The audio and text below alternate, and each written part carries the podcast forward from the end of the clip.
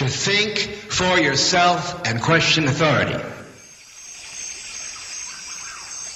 Oczywiście, że należy kwestionować autorytety, jak najbardziej. E, Witam cię serdecznie, droga słuchaczko i drogi słuchaczu.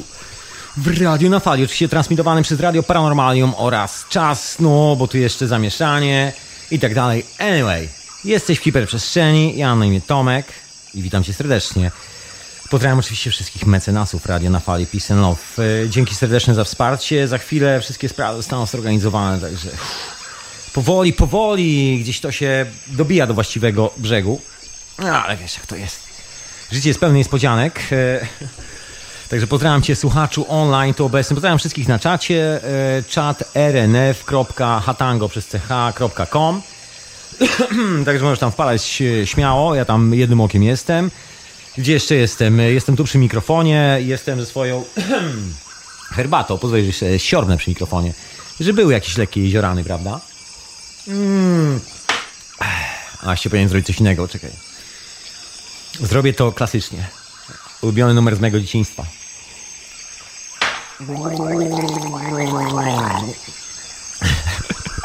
Nie mogłem się powstrzymać. Anyway, e, witam cię też słuchaczu offline, który gdzieś mkniesz po bezdrożach e, ze słuchawkami na uszach albo z najgłośniejszym sound systemem w okolicy i słuchasz hiperprzestrzeni. I bardzo dobrze, i bardzo dobrze. Właśnie, co dzisiaj? Bo ja miałem taki bardzo ciekawy tydzień, e, bardzo ciekawy. Ja może zacznę od pewnej prywaty, którą tu mam e, ze swoim dobrym, starym przyjacielem. Także, e, panie Mateuszu, wieści dotarły. Ja mam nadzieję, że w krainie Duat e, dalej ciekawie się słucha hiperprzestrzeni. No, przyznam szczerze, łezka tam się pojawiła wokół przez moment, jak sobie pomyślałem. Bardzo pozdrawiam i mam nadzieję, że no... Yy, Z tej perspektywy hiperprzestrzeń dalej się nadaje do słuchania, także trzymaj się Matek, mam nadzieję, że tak czy siak się pewnego dnia spotkamy, jak nie tu, to tam, you know what I mean. Eee, pozdrawiam cię serdecznie, mój bracie. Gdziekolwiek byś nie był. Wszystkiego najlepszego, Matek. eee, a ja wracam, wracam do opowieści, koniec tego echa, koniec tych pogłosów, Eee, jest już las, jesteśmy my, jestem... Jesteś ty i ja, droga słuchaczko, drogi słuchaczu i ja. Ja do siebie mówię. Tam. Co dzisiaj? Co dzisiaj? Oczywiście dzisiaj mia- miałem ciągnąć e, wątek Egiptu i troszeczkę pociągnę, może nie tyle wątek Egiptu, ile... Ile... Troszeczkę rozwinięcie tego wątku. Jest taka ciekawa sprawa, taki wniosek, e, taka refleksja, wiesz, e, jakiś czas temu, dawno, dawno temu w Radiu na Fali leciała taka seria podcastów, dalej jest w archiwum, nazywa się Substancja. Myślę, że kto wie, ten wie.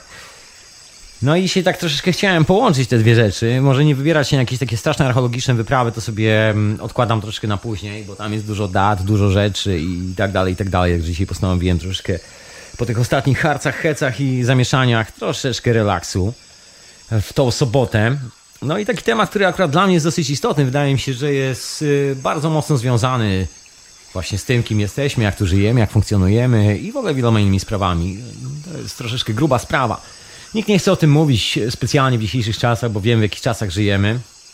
No tak wspomnę troszeczkę o takim paradoksie dzisiejszych czasów. Właśnie w tym tygodniu odpłynęła taka jedna bardzo duża zapora wodna w Kalifornii, w Orwell sobie odpłynęła. Orville? Orville, chyba tak się poprawnie mówi. Orville, Kalifornia, czy jakoś tak.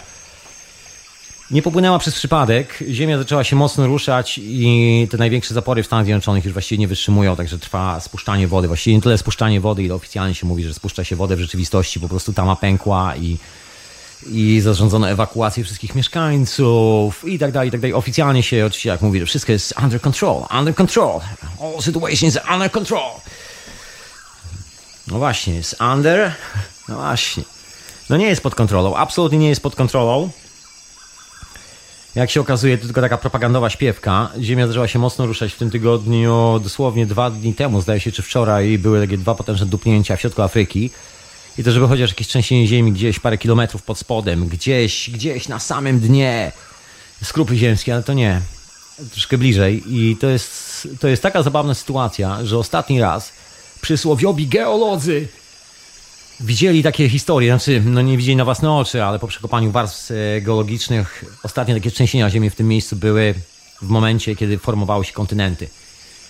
No, oczywiście można powiedzieć, że o, to taki przypadek, ale ja bym wcale nie składał tego na karp przypadku. Jak widać, nadchodzi czas formowania się kontynentów na nowo. I my właśnie jesteśmy w tym momencie, tu i teraz. Ja właśnie mówię do mikrofonu, szczęśliwie jeszcze wszystko stoi, wszystko jest całe, zdrowe, nic nam się nie stało. Nie chcę nikogo straszyć, ale już oficjalne informacje ze Stanów, takich, wiesz, centrów geologicznych i tak dalej, jasno i wyraźnie mówią, że panowie są bardzo mocno zaniepokojeni, bo jeżeli ten usług San Andreas, San Antonio i tak dalej, San Andreas, tak się nazywa poprawnie, to jest obok miasteczka San Antonio, San Jose, Kalifornia, LA. Oni mieli takiego burmistrza, który miał taki bardzo niemiecki akcent w Kalifornii. No i ziemia się zaczyna mocno trząść, przesuwać i tam już y, panowie powoli zaczynają tak głośniej mówić troszkę o tym, że no nie jest to kwestia jakiejś y, tymczasowej historii, która się wydarza, wiesz, po prostu w poniedziałek, ale wtorek już jest, już jest po sprawie, czy tam chwilę potrzęsie i przejdzie. Tylko wszyscy już mówią jednym głosem, że to nadchodzi Big One i nadchodzi nieubłaganie Big One. Oczywiście Big One w terminie i żargonie mieszkańców y, Kalifornii oznacza gigantyczne trzęsienie ziemi. No i ci wszyscy specjaliści są troszkę zaniepokojeni, znaczy trochę jak trochę. Wiesz, nie chcę tu przykładać skali, kto jak bardzo jest zaniepokojony. Czy ten akurat obgryza paznokcie, a tamten odgryza tynk ze ścian. Jakby nie w tym rzecz. Niemniej mowa jest bardzo wyraźnie o tym, że wszyscy życzyliby sobie tego, żeby Ziemia zaczęła się trząść teraz, natychmiast, żeby nastąpiła seria takich drobnych, mniej lub większych, tak można określić w skrócie, trzęsień Ziemi, ponieważ to rozładowałoby te potężne napięcie, naprężenie, które właśnie powstaje na uskoku San Andrea. Jak się okazuje, nic takiego specjalnie się nie dzieje, są tylko takie mikro wstrząsy, które się tam pojawiają, Ziemia się przesuwa, ale nie ma czegoś, co mogłoby rozładować cały ten potencjał, albo jakoś potencjał, większą część tego potencjału, ale potencjał z siebie wyrzuciłem. Chyba rozumiesz, co mi chodzi. Następuje kumulacja i wszyscy coraz głośniej jednym e, wspólnym językiem mówią o tym, że ta kumulacja będzie bardzo niebezpieczna i jest bardzo niebezpieczna, bo jak tąpnie, to tak tąpnie, że niewielu się pozbiera. Wyciekły dokumenty z Departamentu Stanu Stanów Zjednoczonych w zeszłym tygodniu, a czyli no nie w zeszłym tygodniu, wyciekły troszkę dawniej, ja dostałem je w zeszłym tygodniu gdzieś tam, wiesz, ktoś mi podesłał linka, tu coś tam, wiesz. Taka historia. No i wygląda na to, że Departament e, Obrony Narodowej, nie wiem jak to zwać, nie jestem specjalistą od e, kraju myszki Miki Kaczera Donalda, no ale jasno i wyraźnie jest opisane, że tam jakieś 100 milionów, 140 milionów ludzi, jakieś takie absurdalne sumy. Ja w tym momencie chyba strzelam z głowy trochę, także nie łapnie ze słowo. Ale wychodzi na to, że obydwa wybrzeża Stanów Zjednoczonych są po prostu na odstrzał. W Kalifornii prosi ludzi, żeby jeżeli mogą, wyjeżdżali po cichutku, jest taka atmosfera. Nie wiem jak jest w Nowym Jorku, nie wiem jak jest na tym wybrzeżu od strony Atlantyku, Absolutnie nie mam pojęcia, natomiast w Stanach jest tak troszeczkę od strony Kalifornii. Znajomi mi mówili, że dostali listu, ktoś tam dostał, wiesz, e, maila z lokalnego kancila, żeby się zastanowił nad przygotowaniem jakiegoś takiego zestawu emergency na wypadek, gdyby nastąpił 15-dniowy blackout. Już nie mówi o takim blackoutie, że tam zatrzęsie ziemia, może na 2-3 dni będzie troszkę, supermarket nie będzie działał, nie będzie można zrobić zakupów i zatankować samochodu. Mowa jest już o 15 do 20 dniach i żeby się solidnie przygotować. No ale te dokumenty z Departamentu Stanu są takie dosyć okrutne, mówią bardzo wyraźnie, to są mapy. I na tych mapach są zaznaczone rejony wschodniego i zachodniego wybrzeża Stanów Zjednoczonych, no i nie tylko. Tych najbardziej zagęszczonych, e, najbardziej zaludnionych obszarów. No i jest tam taka konkluzja bardzo ciekawa dla zachodniego wybrzeża, czyli Kalifornii. Jeżeli spojrzysz na mapę Kalifornii, no to wygląda tak, że jest taka duża zatoka, znaczy zatoka, tak mówię zatoka, jest dolina, się nazywa Valley, Valley. W języku amerykańskim, y, jeżeli ktoś jest miłośnikiem Franka Zappy i zna doskonale jego repertuar, jest taka piosenka Valley Girl o dziewczynie z Kalifornii, która ma bardzo dużo bardzo poważnych problemów i o tym jest ta piosenka. Popularnie mówi się po prostu Valley, czyli dolina. Jest to dolina, która jest oddzielona od reszty kontynentu górami. I jeżeli fala z Pacyfiku wjedzie w tą dolinę, to nikt tam nie ma absolutnie szans na nic. Tym bardziej, że przez środek doliny przechodzi właściwie uskok San Andrea. Także jeżeli to łupnie, to w tym momencie nie masz co zbierać. E, także oficjalnie się już o tym mówi głośno. To nie jest tak, że Tomek zwariował i opowiada o jakiejś globalnej katastrofie. Ludzie na całym świecie mówią o tym, że nadchodzi poważne, o już nie będę taki, wiesz, yy, wulgarny grzmotnięcie powiem. Nie powiem na J, powiem na grzmotnięcie. Chodzi takie grzmotnięcie, że ponoć Ameryka się nie, nie pozbiera i wiedzą o tym wszyscy, właściwie, którzy się zajmują tematem.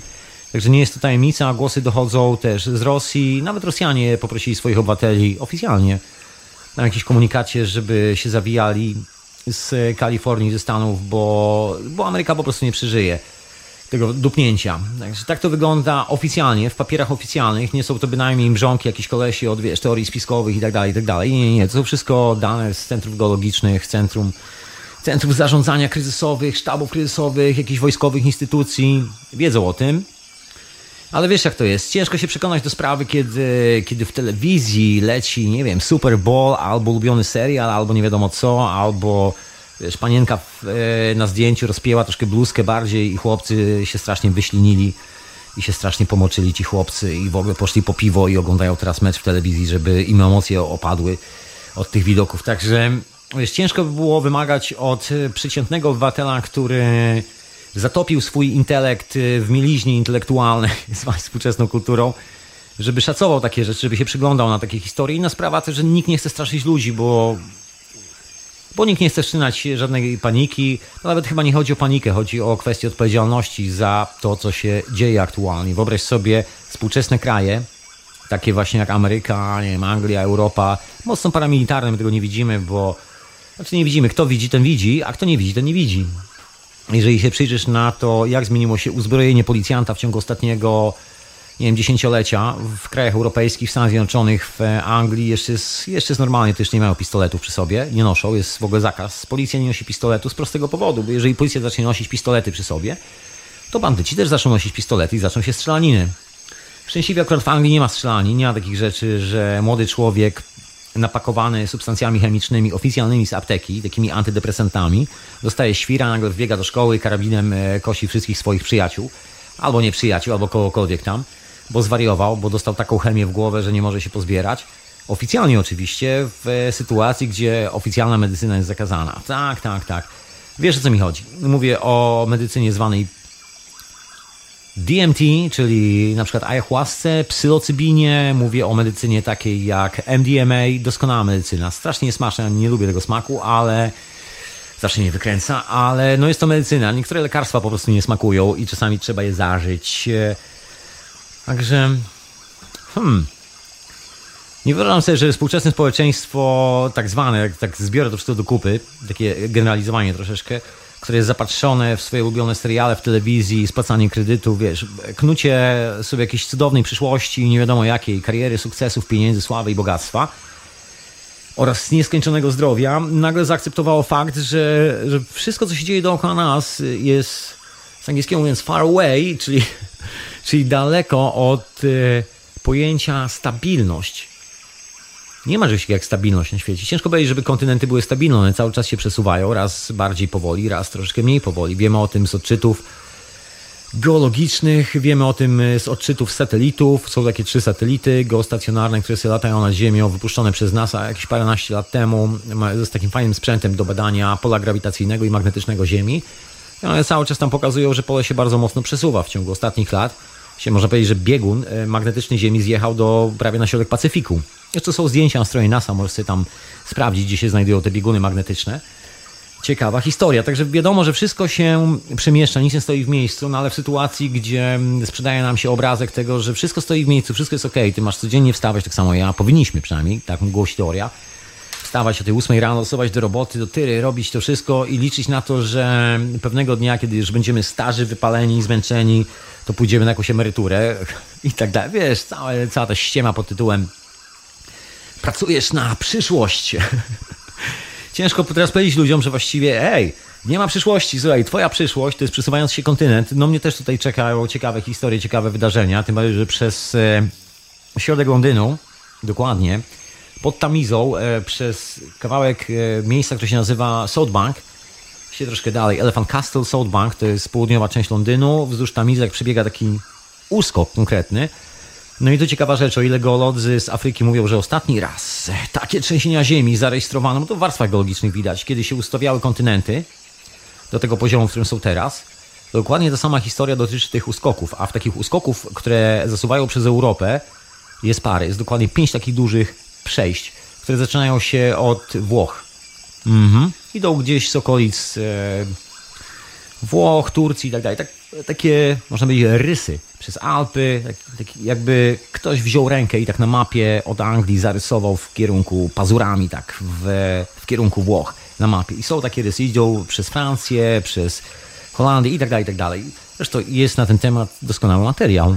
Brytyjskie Towarzystwo Geologiczne, Królewskie właściwie Towarzystwo Geologiczne ma świetne rozeznanie w tym wszystkim. Są doskonałe mapy na internecie, które pokazują nawet z datowaniem, kiedy ostatni raz Ziemia się przesuwała.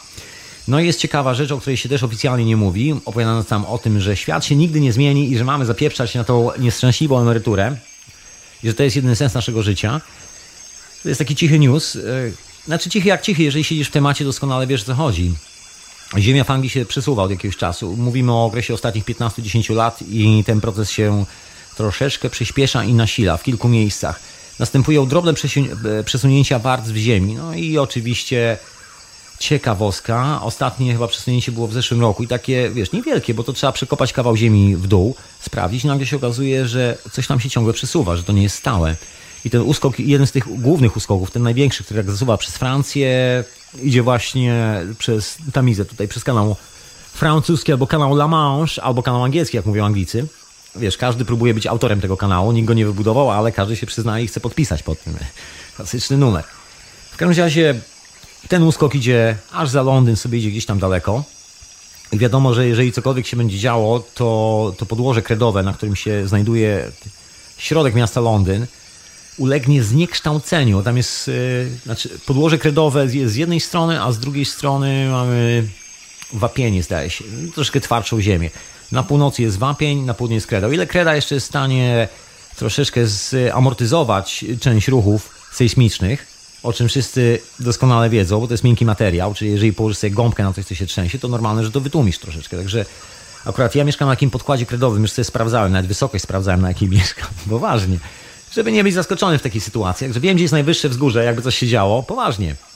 Taki jakiś jestem, e, no nie wiem czy zaradny, czy wariatem, czy nie, ale po prostu zebrałem wszystkie fakty, także wiem gdzie mieszkam, wiem co tu się znajduje pode mną w ziemi, wiem gdzie mam najwyższe wzgórze, jakby coś się działo. Anyway, e, to jest takie same podłoże jak na południu, na, na północy Francji w Szampanii. Gdy był troszkę lepszy klimat, można by tu hodować e, winogrona. Tak też robili Rzymianie tysiąc lat temu, kiedy był tu inny klimat.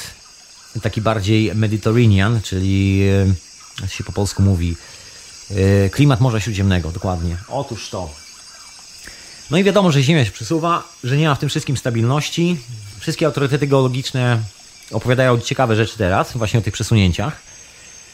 No i nie wiadomo co właściwie, co się dzieje, bo w telewizji nie ma ani słowa na ten temat. W radiu nie ma ani słowa. No okej, okay, no jest radio na fali, ale bez przesady. Radio na fali nie jest komercyjnym radiem, to jest kameralna impreza. To jest moje spotkanie z tobą, człowieku. Tutaj siedzimy przy kominku lub lub bez kominka przy kawce i herbatce, ja ci opowiadam różne zabawne historie. Takie wiesz, yy, historyjki kameralne. Także na pewno ciężko to nazwać jakimś mainstreamowym medium, albo w ogóle jakimkolwiek medium. To jest po prostu nasze spotkanie prywatne, ty i ja, wiesz, takie tet tet No i to wszystko, a tak normalnie te dane są tam chowane. Wiadomo, że wszyscy armatorzy od pół roku zmienili szlaki żeglugowe. Poważnie. Wszystkie duże jednostki handlowe są wycofywane, kiedy coś się dzieje, kiedy nadchodzi ten moment, że geolodzy mówią, że coś się tam trzęsie. Są przesuwane na głęboki ocean, żeby uniknąć fali tsunami. Wydłużono szlaki handlowe pomiędzy Europą a Chinami. Normalnie wszystko płynęło przez kanał Suezki. Teraz przez kanał Suezki płynie bardzo mało, ponieważ nikt z armatorów nie chce stracić swoich łódek, kiedy zacznie się trząść ziemia i się okaże, że akurat cały twój dobytek, wszystkie te warte miliony łódki, te frachtowce, te duże handlowe statki nagle staną na mieliźnie pomiędzy kanałem Suezkim a Gibraltarem, bo muszą przepłynąć przez ten kawałek, żeby zostać rozładowane. I teraz pytanie, jak to się uda, jeżeli zacznie się ziemia? Wszyscy wiedzą, że to się nie uda, bo w tym momencie przejście zostanie zablokowane. Więc armatorzy teraz wysyłają statki, bardzo dużą ilość dookoła Afryki. Jeżeli zamawiasz coś e, z Chin, jeżeli znasz ludzi, którzy robią interes z Chinami i tak dalej, i tak dalej. Znaczy, ty jesteś na kontynencie, jeżeli słuchasz tego w Polsce, także dotyczą cię troszeczkę inne szlaki handlowe. No ale też e, właśnie, zwróć uwagę na jedną rzecz. Chińczycy z Rosjanami odpalają linię kolejową, która idzie po lądzie. To jest miejsce, które jest najmniej zagrożone sejsmicznie, wstrząsami. I to nie jest dowcip. Oczywiście można by zostać przy łódkach, przy pływaniu dookoła świata, bo jest to bardzo wygodna opcja. Wiesz, wypływasz, płyniesz i dopływasz, nie ma z tym żadnego problemu, niż budować, wiesz, jakąś kolej albo kleić tego typu konstrukcje. No ale wiesz, prawda jest taka, że światem nie rządzą idioci, nawet tym najbardziej idiotycznym światem rządzą ludzie, którzy naprawdę mają trochę oleju w głowie. Zresztą wiesz, skoro się utrzymali przy tych stołkach i potrafią to robić dalej, no to wiedzą jak to robić. No i nie o to chodzi, żebym ich tutaj gloryfikował teraz, a bynajmniej nie nazywam ich idiotami. To była chyba najgłupsza rzecz, e, jaką mógłbym zrobić. Także ci ludzie doskonale wiedzą, że coś się święci i jeżeli czekasz na towar, e, który znajduje się gdzieś na statku, bo płynie z Chin, a ty jesteś gdzieś w Europie, jest to duży ładunek, który nie pójdzie lądem, nie pójdzie samolotem, to w dzisiejszych czasach musisz poczekać troszeczkę dłużej, bo statki pływają dookoła Afryki, przynajmniej znakomita część tej floty aktualnie. Właśnie po to, żeby w przypadku, gdyby coś się działo, bardzo szybko wycofać statki na pełny ocean, tak żeby fala tsunami nie połknęła tego wszystkiego. Taka ciekawa historia. No dzieją się ciekawe rzeczy dookoła nas, nikt o tym nie chce mówić, nikt nie chce wspominać o tym, że Ziemia zaczęła się trząść w takich miejscach, w których ostatni raz, tak jak mówiłem, trzęsła się wtedy, kiedy kontynenty się przesuwały. No bo wiesz, prosta konkluzja. Jeżeli Ziemia w tym miejscu trzęsła się po raz ostatni wtedy, kiedy formowały się kontynenty, a trzęsie się teraz, to co to oznacza? No właśnie. Oznacza to, że chyba kontynenty mogą się przeformować na nowo. Jest kilka ciekawych rzeczy na ten temat, chociażby związanych z gwiazdami. To jest ta historia z Egiptu. Ja tylko tak dzisiaj troszeczkę wspomnę o tych wszystkich rzeczach e, z, ze starożytności. Jak wiesz, będę wrzucał po kawałku trochę. Dzisiaj nie będę tak obrabiał tej e, historii aż tak straszny, dramatyczny sposób. Odkładam ją troszeczkę na za tydzień.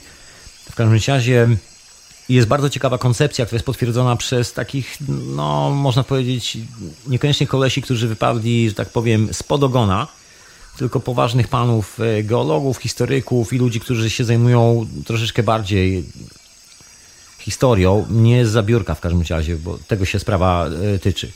Wiesz, nie są to ludzie, którzy piszą, prace naukowe siedząc na uniwersytecie, tylko grzebią w ziemi, robią wykopaliska archeologiczne i mają bardzo ciekawe refleksje. Nie usłyszysz tego w mainstreamie, też ci ludzie się specjalnie z tym nie pchają, bo po pierwsze, mają tytuły naukowe, mają granty, mają kilka rzeczy, robią te swoje badania, wykopują te rzeczy, ale też nie chcą stracić swojej naukowej pozycji, co jest no, dosyć jasne. Ktoś pracował na to lata, to mu troszeczkę żal. Niemniej wyniki wykopalisk i w ogóle badań tej korelacji astronomicznej kilku budynków na całym świecie, znaczy nie kilku, wielu budynków na całym świecie, wskazują na dodatkowy dodatkowy aspekt tej historii. I okazuje się, że nie 12 tysięcy lat, ale coraz częściej słychać głosy, że mówimy o 36 tysiącach lat a może nawet dawniej, o wiele dawniej.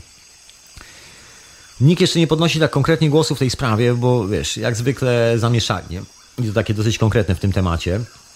Jest dużo ciekawych teorii i dużo niewyjaśnionych spraw. Oczywiście można by to wszystko wyjaśnić to bardzo szybko. Wiemy doskonale, że w Krokodopolis mamy potężne podziemia w Egipcie, gdzie jest złożony jakiś dobytek kultury, która była przed nami. Pokazują to skanery. Zresztą polecam serdecznie pracę pani Butler, która jest y, zawodowcem w tej dziedzinie, pani profesor Butler z Kanady i kilku innych ludzi, jest John Anthony West i tak dalej, i tak dalej, i tak dalej. Jest, można tu wymieniać bardzo wiele nazwisk. Ludzi, którzy się przekopywali przez te warstwy, naprawdę to badali, robili analizy tego wszystkiego i wiesz, wygląda na to, że mamy troszkę więcej tych podziemi, bo jeszcze dochodzi fakt podziemi w Gizie gigantycznych podziemi schowanych pod piramidami, które zostały już oficjalnie zatwierdzone. Nawet Zahi Hałas powiedział, że przecież są tam podziemia i tak dalej. Nawet on się przyznał. No ale to dopiero po tym, jak inni to odkryli. Zahi Hałas należy do takich ludzi, którzy lubią sobie przypisywać e, wszystkie cuda odkrycia. No ale trudno, są i tacy wśród nas. W każdym razie wiemy, że mamy backup cywilizacyjny, taki bardzo mocny i wiemy, że nikt nie chce doprowadzić do sytuacji, kiedy nasza ręka, nasza świadomość dotknie tego backupu cywilizacyjnego, bo tak jak mówiłem, e, w, chyba w ostatniej hiperprzestrzeni wygląda na to, że mamy do czynienia z innym pojęciem energii jako takiej. Wiesz, tu nie chodzi, jak się okazuje, chyba o energię, tylko chodzi o informację. To jest też ciekawa sprawa, że o czym już kiedyś tu w hiperprzestrzeni opowiadałem, to też fizycy dowodzą e, z takich, wiesz, bardzo, tak powiem, dalekich obszarów oficjalnej akademickiej nauki, że mamy do czynienia bardziej z czymś, co najszybciej możemy nazwać informacją, niekoniecznie energią. I ta cała kultura, która gdzieś tam zostawiła te wszystkie rzeczy w podziemiach, wiemy, że tam są maszyny, wiemy, że tam są przedmioty z metali, bo pokazały to skanery. I to już nie jest dowcip. Od tej strony wszystko jest, że tak powiem, jasne. Poza tym, że oczywiście nikt nie może tam wejść, nikt nie może tego sprawdzić. Jest to pilnowane przez armię, armię egipską, która jest opłacana przez armię amerykańską, bo prawda jest taka, że na Egipcie łapę położyli Amerykanie, którzy kupili wszelkie licencje, no i kupili sobie rząd egipski też. E, taka normalna historia, wiesz jak to jest. Kupuje się rządy. Polski rząd też jest kupiony, wiesz. Angielski też. Wiesz o co chodzi. To jest taki biznes na sprzedaż zawsze. No i ten biznes na sprzedaż bardzo skutecznie pilnuje, żeby nikt z nas się nie dowiedział, co tam jest, o czym jest mowa w prehistorii. Jest tylko ten kawałek, wiesz, wykopali, który do nas dotarł, ten, który stoi na ziemi, gdzie możesz sobie pójść i zobaczyć, że okej, okay, widzę jakieś płaskorzeźby, jakieś wyryte rzeczy, nie wiadomo kto to zrobił, kiedy to zrobił. Ktoś tam mówi, że może 2000 lat temu, ale wygląda na to, że należy dać trójkę i jeszcze trzy zera czy jakoś tak, albo jeszcze więcej, że to wcale nie jest 2000, tylko na przykład 20 tysięcy lat temu, albo 36 tysięcy lat temu. No jest to związane z tym cyklem precesyjnym Ziemi. No i tu jest taka zagwozdka, bo właściwie nie do końca te cykle precesyjne można tak łatwo przeliczyć. O ile Orion, jakby ruch Oriona na niebie da się przeliczyć, to okazuje się, że na tych wszystkich inskrypcjach, najstarszych kawałkach zachowanych nie wiem, designu, który pokazuje jakieś korelacje z niebem, są jeszcze inne obiekty, o których istnieją nikt nie wie. Słynna z budowla, która znajduje się w Belize. Zdaje się, nie wiem czy w Belize, ja to sobie powinien mapkę otworzyć. E, zaraz, zaraz, zaraz. Czekaj, mam książkę, nie będę szedł do internetu, sekundę. Ale to może jak będzie muzyczka, to sobie wezmę tą książkę i ci powiem o co chodzi. W każdym razie na Półwyspie Yucatan od strony Pacyfiku jest e, takie miejsce, które jest nazywane obserwatorium astronomicznym, o którym kiedyś tam wspominałem. Jest koszmarnie zrujnowane i właśnie nie wiadomo na co wskazywało ale zostały jeszcze okolice właśnie Belize. Teraz tam są prowadzone bardzo duże wykopaliska archeologiczne i rekonstrukcje archeologiczne od y, połowy lat 80. Odpowiada za to rząd Stanów Zjednoczonych oraz rząd Kanady, ponieważ w Belize znaleziono ropę oraz kilka innych minerałów ziemi. No i wysłano tam archeologów y, po to, żeby przykryli działalność koncernów naftowych. Wiesz co chodzi, takie wsparcie bratnie dla bratniego narodu, coś w tym stylu. W każdym razie szczęśliwie się okazało, że ci kanadyjscy i amerykańscy archeolodzy robią tam ciekawą robotę, że ciekawe jak ciekawo, robią rekonstrukcję tych wszystkich e, rozpadniętych zamków, pałacy i tak dalej. To jest taka ciekawostka, że o ile w Egipcie wszystko to zostało nazwane przez brytyjskich odkrywców jako świątynie i kapliczki i jakieś modlitewne historie, no wiesz, wierzyli w Boga, czytali Biblię, wierzyli w jakieś cuda wianki, naczytali się bajek, no i wszystko, myśl, wszystko porównywali do tych bajek, które sobie wyczytali w tej swojej fantastycznej książce naukowej. No a w Belize już sprawa troszkę inna, bo wykopaliska zaczęły się troszeczkę później, zaczęły się w momencie, kiedy część tego języka, języka Majów, Azteków została odszyfrowana. Bardzo niewielka część, ale została gdzieś tam, wiesz, kilka słów jest odszyfrowanych. No i tam już się mówi na to pałace. Przy tym też ciekawa rzecz, bo te pałace są budowane też klasycznie, znaczy klasycznie, no tak jak wszędzie chyba na świecie, widzisz parę kultur po drodze. Podstawa jest zupełnie inna, jest neolityczna, potężne konstrukcje, potężne bloki skalne, nikt do tej pory nie wie, jak to obrobić. Znaczy, teoretycznie tak, ale to tylko teoria. W praktyce nikt tego nie zrobił, bo to jak zwykle, wiesz, możesz usiąść, popatrzeć na to i troszkę jak w tym starym dowcipie, że dwóch Polaków pojechało do Egiptu, wiesz, tak stoją sobie przed piramidami, tak na, na oczywiście jak zwykle, bo przecież jak żeby inaczej, z takimi reklamówkami z Biedronki, wiesz, w klapkach, białych skarpetkach stoją sobie i wiesz, takie patrzy na, na tą piramidę drugi. Wiesz co, Wiesiu, nie takie rzeczy żeśmy ze szwagrem po pijaku robili. I to jest troszkę taka percepcja współczesnej nauki na temat tego, a ja też potrafię, to zrób. A jutro. Trochę w ten sposób. Nikt nie potrafi tego otworzyć, nikt nie potrafi w ogóle nawet, że tak powiem, zbliżyć się na milimetr do tego, co zostało zrobione i zostawione chociażby w Egipcie. Mowa jest o tych granitowych e, skałach, które zostały wyciosane w taki ciekawy sposób, o no, wielu, wielu innych rzeczach. W tym momencie może odpuszczę, bo to musiałbym zacząć wymieniać całą wiesz, historię związaną z kamieniarstwem, mineralogią i tak dalej. Już odpuszczam. No wiemy o co chodzi. Jest kilka ciekawych artefaktów, których nikt nie jest w stanie wyjaśnić. Czemu służyły, kto to zrobił, ile mają lat. I, I, te kilka artefaktów to jest e, właściwie praktycznie wszystko, co tam się znajduje w Ziemi. Właściwie nikt nie wie o co chodzi. Jest tylko ten nowy okres, który jest mniej więcej zdatny do datowania, ten z czasów Aleksandra, Kleopatry, Rzymian i tak dalej, i tak dalej, tak zwanego Nowego Królestwa. Jest oczywiście lista królów, która sięga daleko, daleko do tyłu, o której nikt nie chce mówić, znaleziona w świątyni Abydos, wyrzeźbiona na ścianie, bo oczywiście oficjalna historia dynastyczna Egiptu w podręcznikach wygląda inaczej niż Egipcjanie to zapisywali, przy czym Egipcjanie, mieszkańcy krainy Kemet. No i tu wracając do Belize jest podobna historia. Tam widać centralnie jak kultura jedna po drugiej próba odbudować coś, co uległo totalnemu zniszczeniu. No i teraz Amerykanie biorą i to re rekonstruują. Próbują to wszystko odnowić. No i mają takie ciekawe zagwozdki pod tytułem jak ci ludzie to robili, bo nawet e, te próby odbudowy, które były robione przez nie wiem, mieszkańców e, owego miejsca 2000 lat temu, może 3000 lat temu, jakoś tak, właściwie też zastanawiają. Też się okazuje, że te wszystkie potężne stele i tak dalej, ktoś musiał zrobić. A jest ciekawa rzecz, po której można rozpoznać, że to nie była ta sama cywilizacja, która budowała oryginalne postawy budynku. Chodzi o materiały użyte do, do, użyte do produkcji. Wiadomo, że te zamki, te pałace, bo tak to się nazywa, zostały zaanektowane przez mieszkańców później. I oni później robili z różnej gliny i tak dalej wszystkie te dodatkowe dekoracje. Możesz zbadać skład chemiczny gliny, jest kilka metod. Y, chodzi o organiczne cząsteczki zawarte w tej glinie. Także możesz czasami, jak masz dużo szczęścia, odnaleźć troszeczkę organicznych substancji i w miarę, tak wiesz, w cudzysłowie zdatować tą część budynku. I się okazuje, że no nawet oni nie wiedzieli za bardzo, co było przed nimi. Oni po prostu przyszli do miasta, miast bogów i sobie na tych, w tych miastach bogów, czy na tych miastach bogów budowali swoje własne pałace, licząc na to, że bogowie wrócą, nie wiem, ozłocą ich albo coś tam, coś tam i wymyślili swoją własną teologię. Gdzieś ta cała wiedza zniknęła. W niektórych miejscach być może była, bo widać, że te próby odbudowy zamków są po oryginalnych planach. Czyli ktoś gdzieś jeszcze miał chyba prawdopodobnie pojęcie na temat, jak wyglądały oryginalne plany tych budynków. Tego nie wiem. To są tylko przypuszczenia. W każdym razie amerykańscy archeologowie i kanadyjscy rekonstruują teraz te budynki na podstawie właśnie tych e, resztek planów tam gdzieś zrobionych. To są takie zabawne budynki, które stoją w środku pustyni. Nie ma tam, znaczy nie, jakiej pustyni, w środku dżungli. Jedyna metoda na zlokalizowanie pojawiła się raptem parę lat temu. Są to specjalne zdjęcia satelitarne, które się robi w specjalnych pasmach, wiesz, od podczerwieni poprzez nie wiadomo co. No i nagle się okazuje, że cały ten e, obszar ziemi, Yucatan, jest praktycznie tak zindustrializowany, że pod tą powierzchnią dżungli jest potężne królestwo. Zamki, pałace, drogi, budynki, jest wszystko. I jak zwykle w takiej sytuacji okazuje się, że, okazuje się, że odkopaliśmy jako cywilizacja może tylko 3, może 5% tego wszystkiego i rekonstruujemy tylko te części, które się dobrze zachowały. No ale co wynika z tych rekonstrukcji? Poza tym, że też była to cywilizacja, która właściwie nie miała już pojęcia o tym oryginale, skąd pochodziła. Po prostu przyszli, zamieszkali. Przypomina się historia Polski Ludowej, kiedy to na ziemi odzyskane przybyli repatrianci ze wschodu, którzy nie do końca wiedzieli, jak obsługiwać wszystkie te rzeczy, które tam zastali.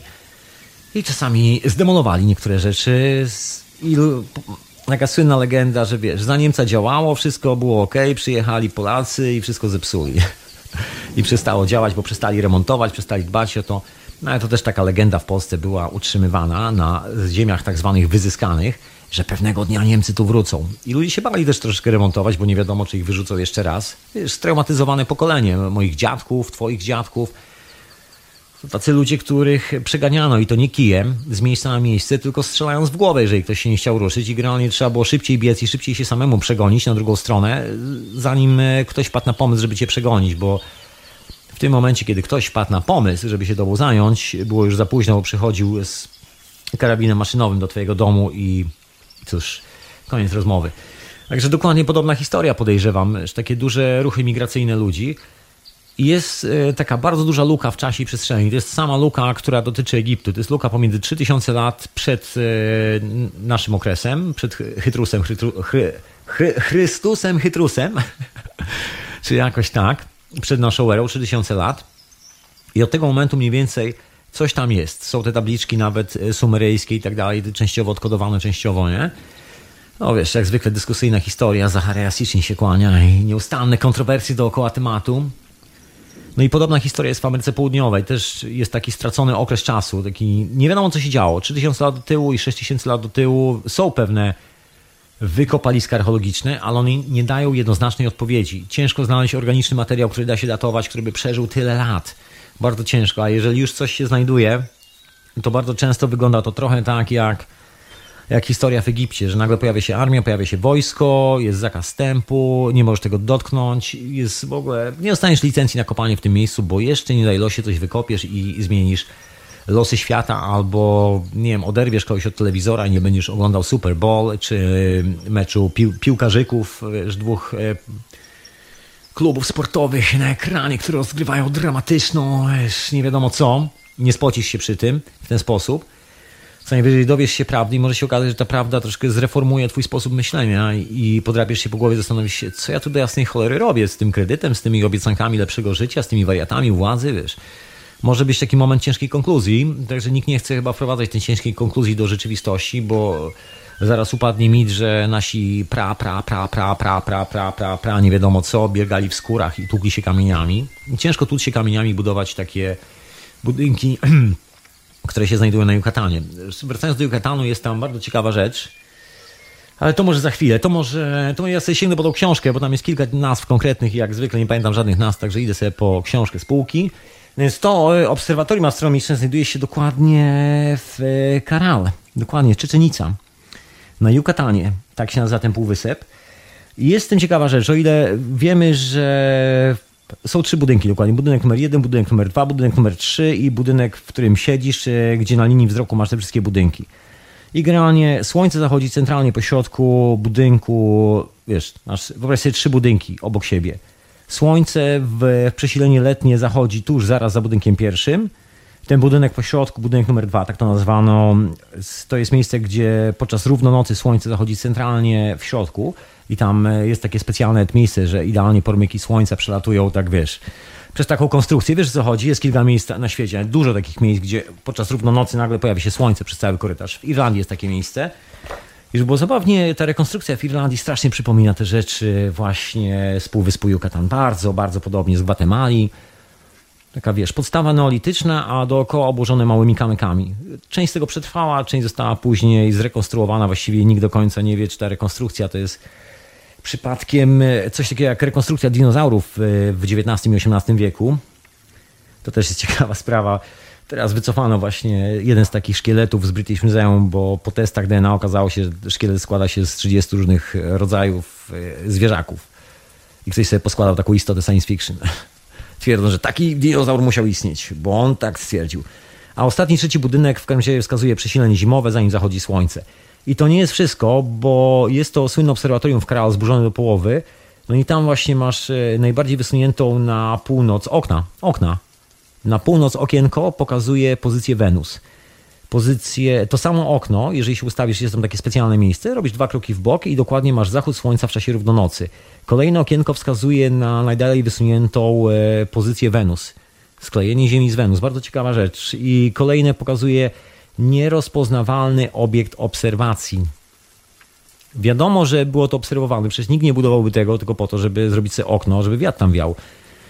No i właśnie to jest taka ciekawostka. I kolejne okna pokazują na południe, pokazują południe astronomiczne lub magnetyczne, tak to jest opisane, i to też jest nierozpoznawalny obiekt obserwacji. Z obserwatorium ocalała jedna trzecia, nawet niecała chyba jedna trzecia, więc może być jedna czwarta i parę okien.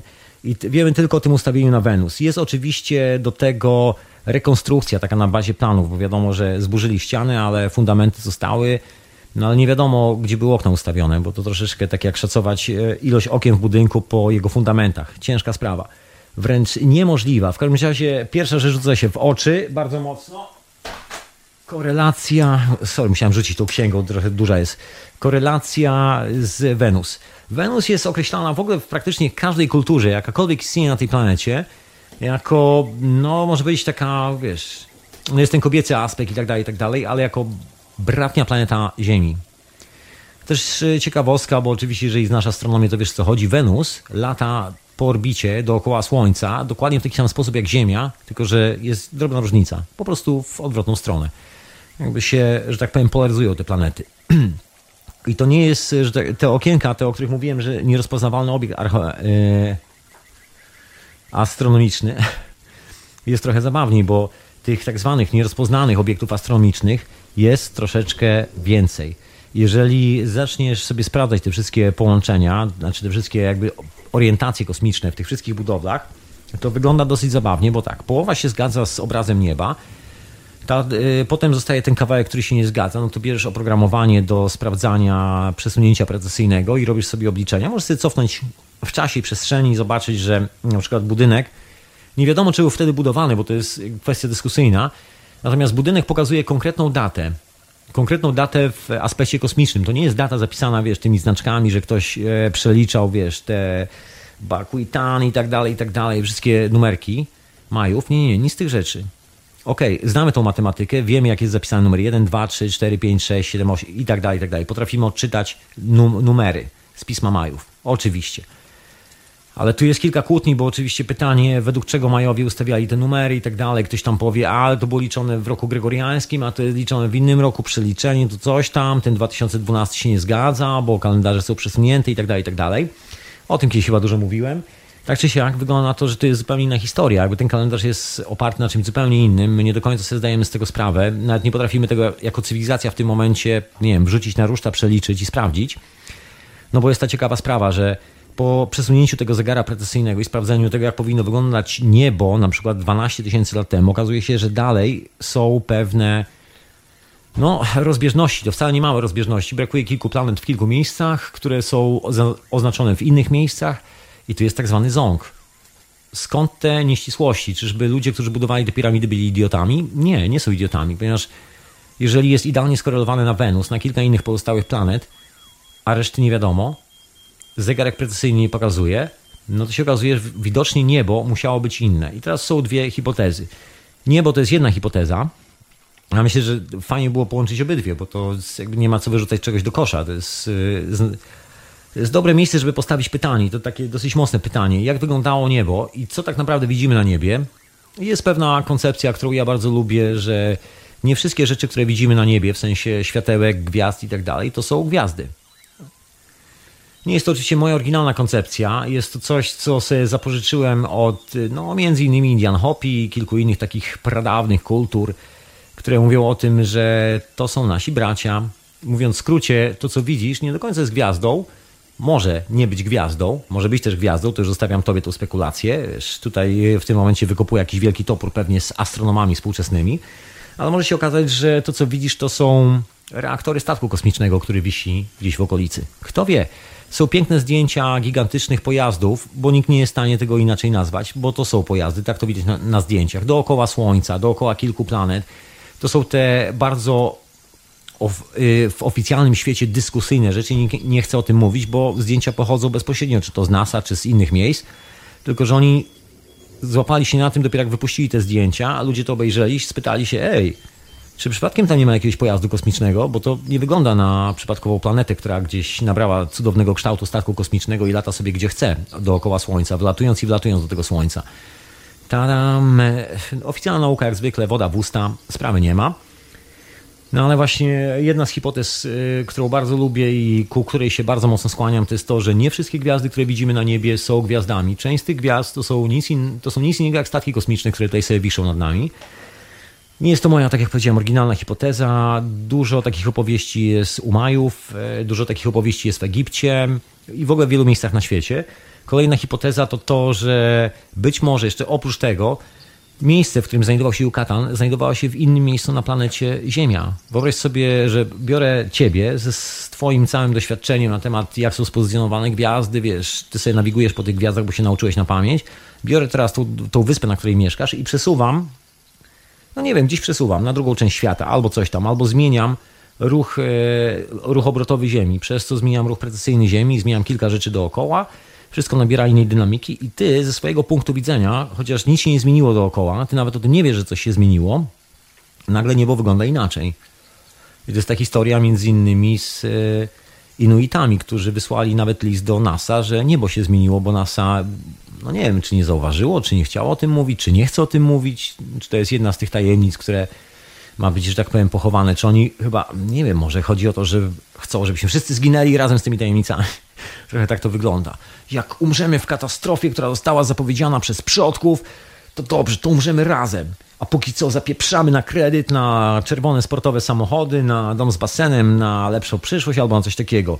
Przyszłość jest stabilna a jakby co, to wszyscy razem się złożymy do grobu. Jest takie samobójczy, taki samobójczy syndrom. Bo właśnie na Yucatanie jest masa budynków, które oprócz tego, że wskazują dokładnie konkretne planety, ich ruchy precyzyjne, znaczy ich ruchy po orbicie, wiesz, konkretne wydarzenia, Słońce zachodzi we właściwym miejscu, po prostu idealne kalendarze kosmiczne, idealne, perfekcyjne. Ta cywilizacja, w której my dorastaliśmy, nie była w stanie w ogóle nawet zrozumieć tego. Do tej pory ledwo co zaczynam powoli, powoli rozumieć, a to też e, z takim wielkim hamulcem e, zaciągniętym do oporu. No ale tego już nie można, że tak powiem, wrzucić do śmieci. Wiadomo, że ci dżentelmeni, którzy znali, znali prawidła budowy owych zamków i je budowali, znali też prawidła budowy kosmosu. I to lepiej niż my. Przypominam, ruch precyzyjny znamy od lat 50. A tam wszystkie budynki, które nie wiadomo jak stare są, znamy tylko tą ostatnią rekonstruowaną warstwę, prawdopodobnie przez jednych z ostatnich potomków Majów, czy jakoś tak. Wiedzieli o tym doskonale i gdzieś ta informacja została. Taki wiesz, skok w czasie i nagle wiesz, informacja znika. Wiadomo, że są tam też podziemia, w których też są ciekawe rzeczy. Długo dyskutowana teza i w ogóle wyśmiewana przede wszystkim przez ostatnie chyba 30 lat, że piramidy były pokryte innym materiałem, że to trochę inaczej wyglądało, że że to jest bardziej kosmiczna historia, wyśmiewana przez lata, przestała być wyśmiewana ostatnimi laty, kiedy okazało się, że w Meksyku akurat, w Tehuantinacal, to jest na obrzeżach miasta Meksyk, to są te piramidy Słońca i Księżyca, takie centrum turystyczne teraz, znaleziono rtęć na dole w podziemiach, coś, coś jak baseny, baseny z rtęcią. Przypomina się legenda o pierwszym cesarzu Chin, który kazał się pochować w specjalnym grobowcu, w którym właśnie jest e, taki basen z rtęci, który odbija świecące się, według legendy oczywiście, lampiony na suficie i tworzy wrażenie, że jesteś e, gdzieś w kosmosie, że dryfujesz gdzieś po przestworzach uniwersum, pomiędzy gwiazdami. I że było zabawnie odnaleziono jeszcze oprócz tego Mikę, czyli taki błyszczący kamyk, który udaje, udaje zdaje się złoto, tak się nazywa często złoto głupców, gdzieś tam u Marka Twaina, jeżeli ktoś czytał. Mika, taki błyszczący kamyk o ciekawych, specyficznych właściwościach pizoelektrycznych, między innymi. I okazuje się, że cała piramida była pokryta właśnie tą miką, także wiesz, jeżeli widziałeś tą piramidę może 3-4 tysiące lat temu, zanim dotarli tam y, ludzie zwani przez nas Indianie Maja, ta piramida wyglądała troszeczkę inaczej, po prostu błyszczała w słońcu. Na dole było, by, był zbiornik z rtęcią i nie wiemy co jeszcze, bo też te wykopaliska są stosunkowo świeże. Wiemy, że ludzie, którzy tam przyszli do tych miast, zresztą opisali to w kilku kronikach, które zostały zniszczone, ale część tych inskrypcji została gdzieś tam na ścianach i jasno i wyraźnie jest opisane, że był to jakiś dziki lud, który po prostu przybył na te miejsce, odkrył miasta i stwierdził, że wow, fajnie, mamy już gotowe wbudowane miasto, dostajemy tutaj, wymyślamy sobie władzę i będziemy, będziemy się tu ze wszystkimi, będziemy bronić swojego miasta, wiesz, budujemy stabilizację. To tak jak każde państwo w dzisiejszych czasach i no i wielu z nas, e, którzy mają dziwne pomysły w głowie na przyszłość, stabilną przyszłość. W każdym razie wiemy, że to nie oni budowali, to wiemy na 100%. Wiemy, że część z tych inskrypcji gdzieś tam przenieśli na budynki, żeby przetrwały troszkę dłużej, pomimo, że nie wiedzieli jak to zrobić, używali gliny. Problem z tą gliną e, to jest problem współczesnych archeologów amerykańskich i kanadyjskich właśnie na na Yucatanie, ponieważ ta glina koszmarnie eroduje, ona się po prostu rozsypuje w palcach, kiedy dotykasz tych wszystkich rzeźbień, więc oni próbują zrobić z tego odlewy i tak dalej, tak robią kopię tego. Nie możesz zrobić na przykład normalnego odlewu, takiego silikonowego, bo w momencie, kiedy ściągasz nawet silikon z tej zabezpieczonej gliny, to ściągasz razem z gliną i jest już po oryginale. Także jedyna opcja to fizyczne odtwarzanie, robienie po prostu repliki jeden do jeden, tak wiesz. Siedzisz i dłubiesz, przyglądasz się na oryginał i sobie skrobiesz swój własny model, dokładnie tego samego.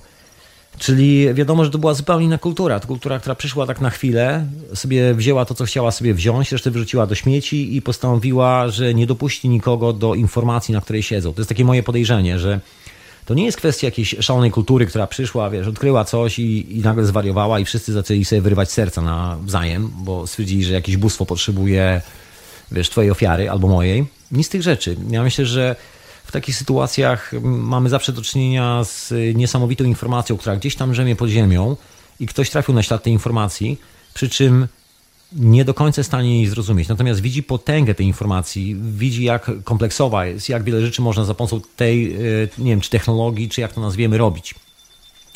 No i tu powstaje konflikt teraz. Czy, czy zacząć korzystać z tej technologii, która jest dla wszystkich, bo z reguły takie technologie są dla wszystkich. Wiemy o tym, znaczy wiemy jak wiemy, no to jest moje takie e, przypuszczenie, chociaż wiesz, może być daleko, daleko od przypuszczenia, jeżeli przyjrzysz na starożytny Egipt, na ten okres przed królami, ten, który jest najbardziej tajemniczy, wygląda na to, że właściwie wszyscy w Egipcie posiadali tą tajemniczą wiedzę, tą jak budować piramidy, jak robić te wszystkie rzeczy.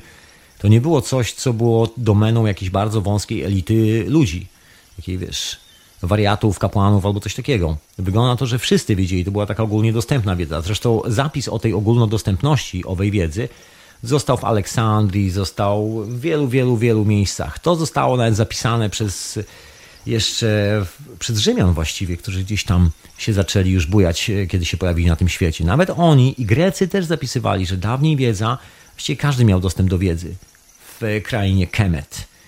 To było właśnie to coś. Zresztą, że było zabawniej, przecież cała ta wiedza z Grecji, którą my nazywamy greckimi odkryciami w matematyce, że to jest jakaś spuścizna kulturowa Grecji i tak dalej, jest kłamstwem, ordynarnym kłamstwem. Wiemy doskonale, że całe proporcje matematyczne, łącznie z liczbą pi, łącznie z tymi wszystkimi wyliczeniami trójkątów, piramid itd., tak itd., tak pochodzą bezpośrednio od Egiptu. Mamy na to więcej niż jeden dowód, mamy na to tonę dowodów. Chodzi o matematyczne zasady, na których wybudowano chociażby świątynię w Abydos, gdzie masz dokładnie całą w cudzysłowie grecką matematykę, która powstała, zdaje się, chyba 12 tysięcy lat, albo 36 tysięcy lat, albo cholera wie kiedy, przed Grekami że Grecy jedyne co zrobili, to skorzystali z okazji, która się na, e, pojawiła na horyzoncie. Wiadomo było, że królestwo upadło, zniknęło, wiedza została zablokowana.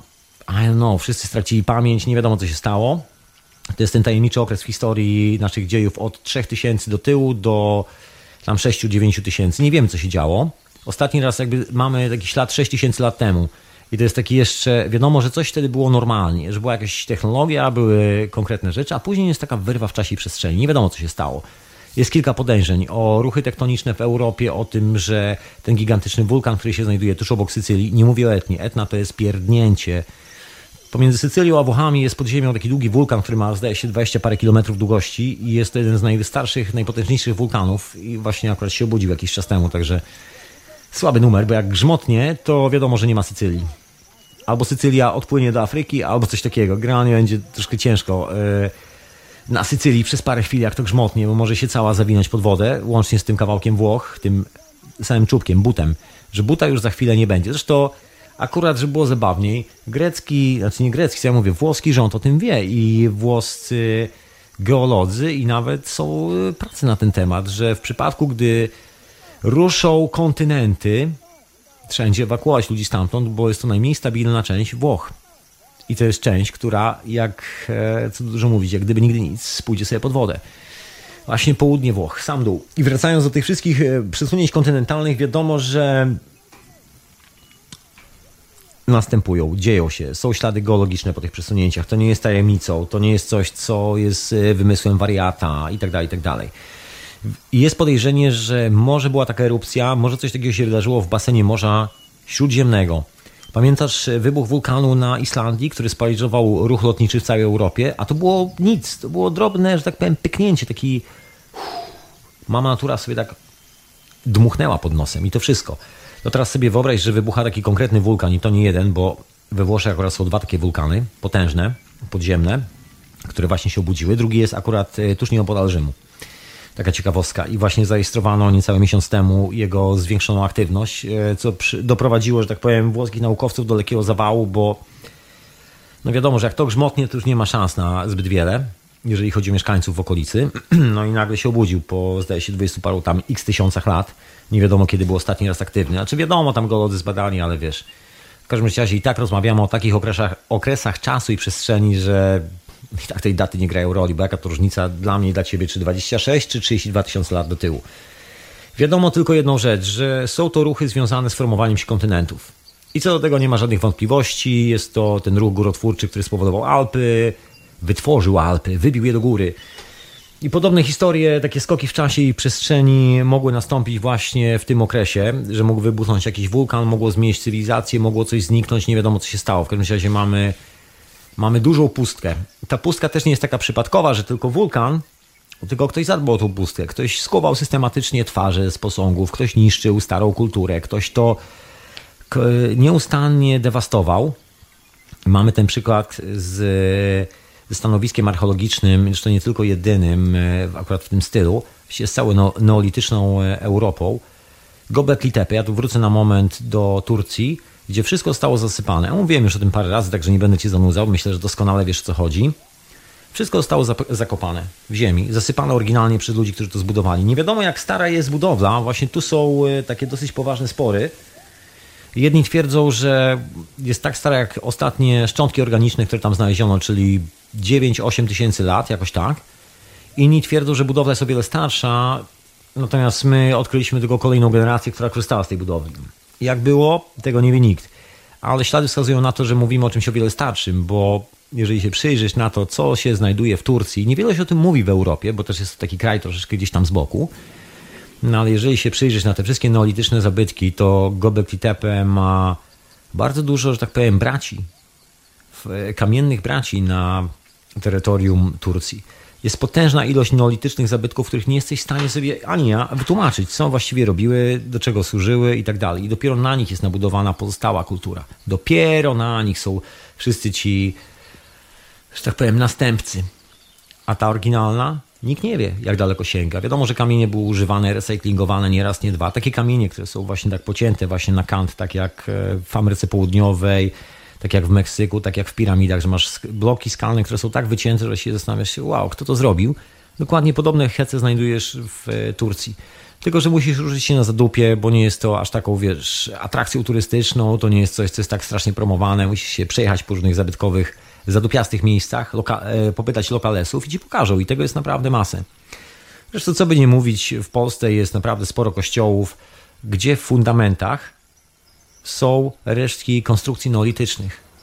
I to są konkretne kamienie. Widać, że to jest kamień rzeźbiony w ogóle z innego materiału i tak dalej. Tak widać, że jest to neolityczny coś, neolityczne, które zostało zabrane, zrabowane przez następców po to, żeby wybudować swoją świątynię dla swojego Boga.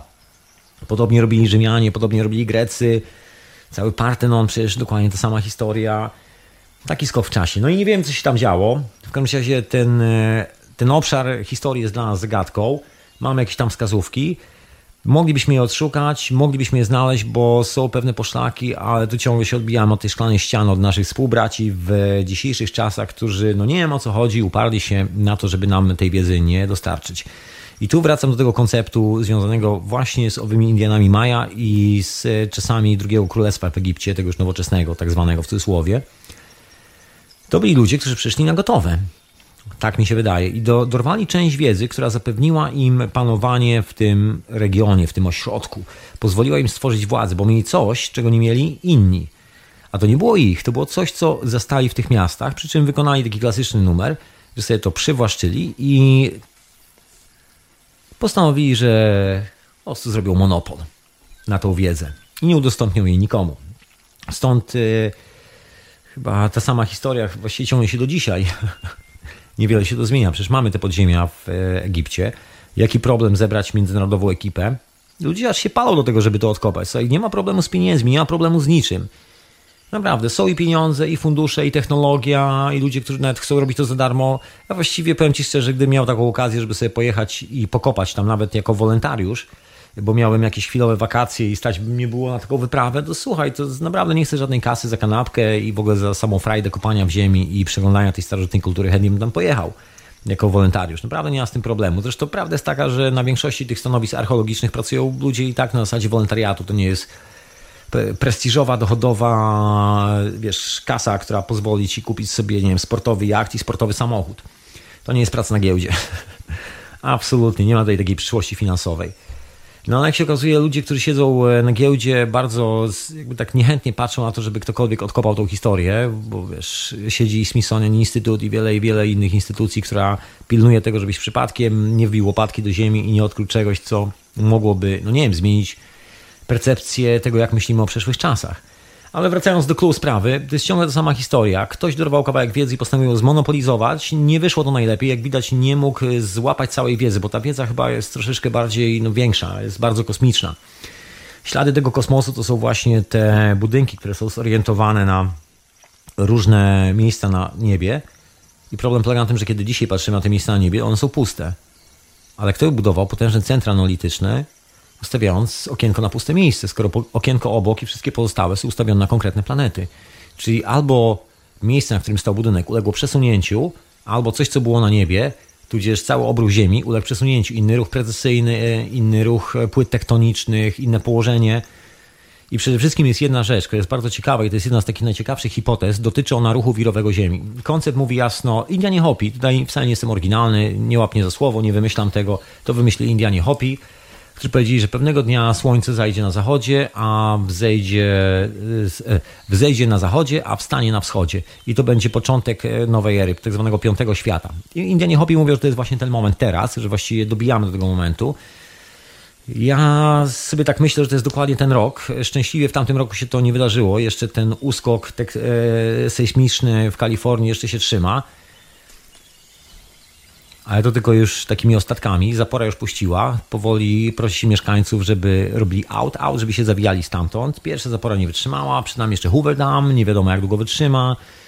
Nikt nie podaje raportów z tego, co się dzieje dookoła zapory. Wiadomo, są to obiekty strategiczne o znaczeniu militarnym, a to jeszcze w Ameryce psychoza maniakalna przed terroryzmem, także wszystko jest pochowane. No i dowcip polega na tym, że właściwie chyba wszyscy siedzimy na potężnej kopalni wiedzy, na potężnej kopalni informacji. Właściwie wiemy to wszystko, znaczy może, może nie tak, że wiemy. Mamy bibliotekę, w której jest wszystko opowiedziane, opisane, zapisane, łącznie chyba z planem ewakuacji. Natomiast nikt z aktualnych rządzących światem, ludzi, którzy mogliby pomóc jakby stworzyć taką sytuację, w ogóle dowiedzieć się, co my właściwie tam mamy, czy naprawdę chodzi o plan ewakuacji, czy chodzi o technologię, czy chodzi o zupełnie inną historię, milczą jak grób. Ta sama historia w kinach. Bo to też nie jest tylko i wyłącznie Ameryka Południowa i kawałek Egiptu, ani, ani kawałek Turcji. To jest właściwie każde miejsce na tej planecie. Słynna historia z piramidami w Chinach. Do tej pory są, w ogóle wstęp tam jest zabroniony. Był tylko jeden gentleman, który mu chiński rząd pozwolił zrobić zdjęcia, Niemiec, który tam w latach 80. pojechał i kamerą wideo nakręcił te piramidy. Natomiast y, normalne zachowanie chińskiego rządu polega na tym, że obsadzili je lasem, zabronili, ogrodzili i nie masz prawa tam dojść. Nie masz prawa tam dojechać. Jeżeli tam starasz się pojawić, no to jakiś umyślny się pojawia i mówi, że no nie masz tam wejścia. Nie możesz robić żadnych badań, żadnych zdjęć, ani z tych rzeczy.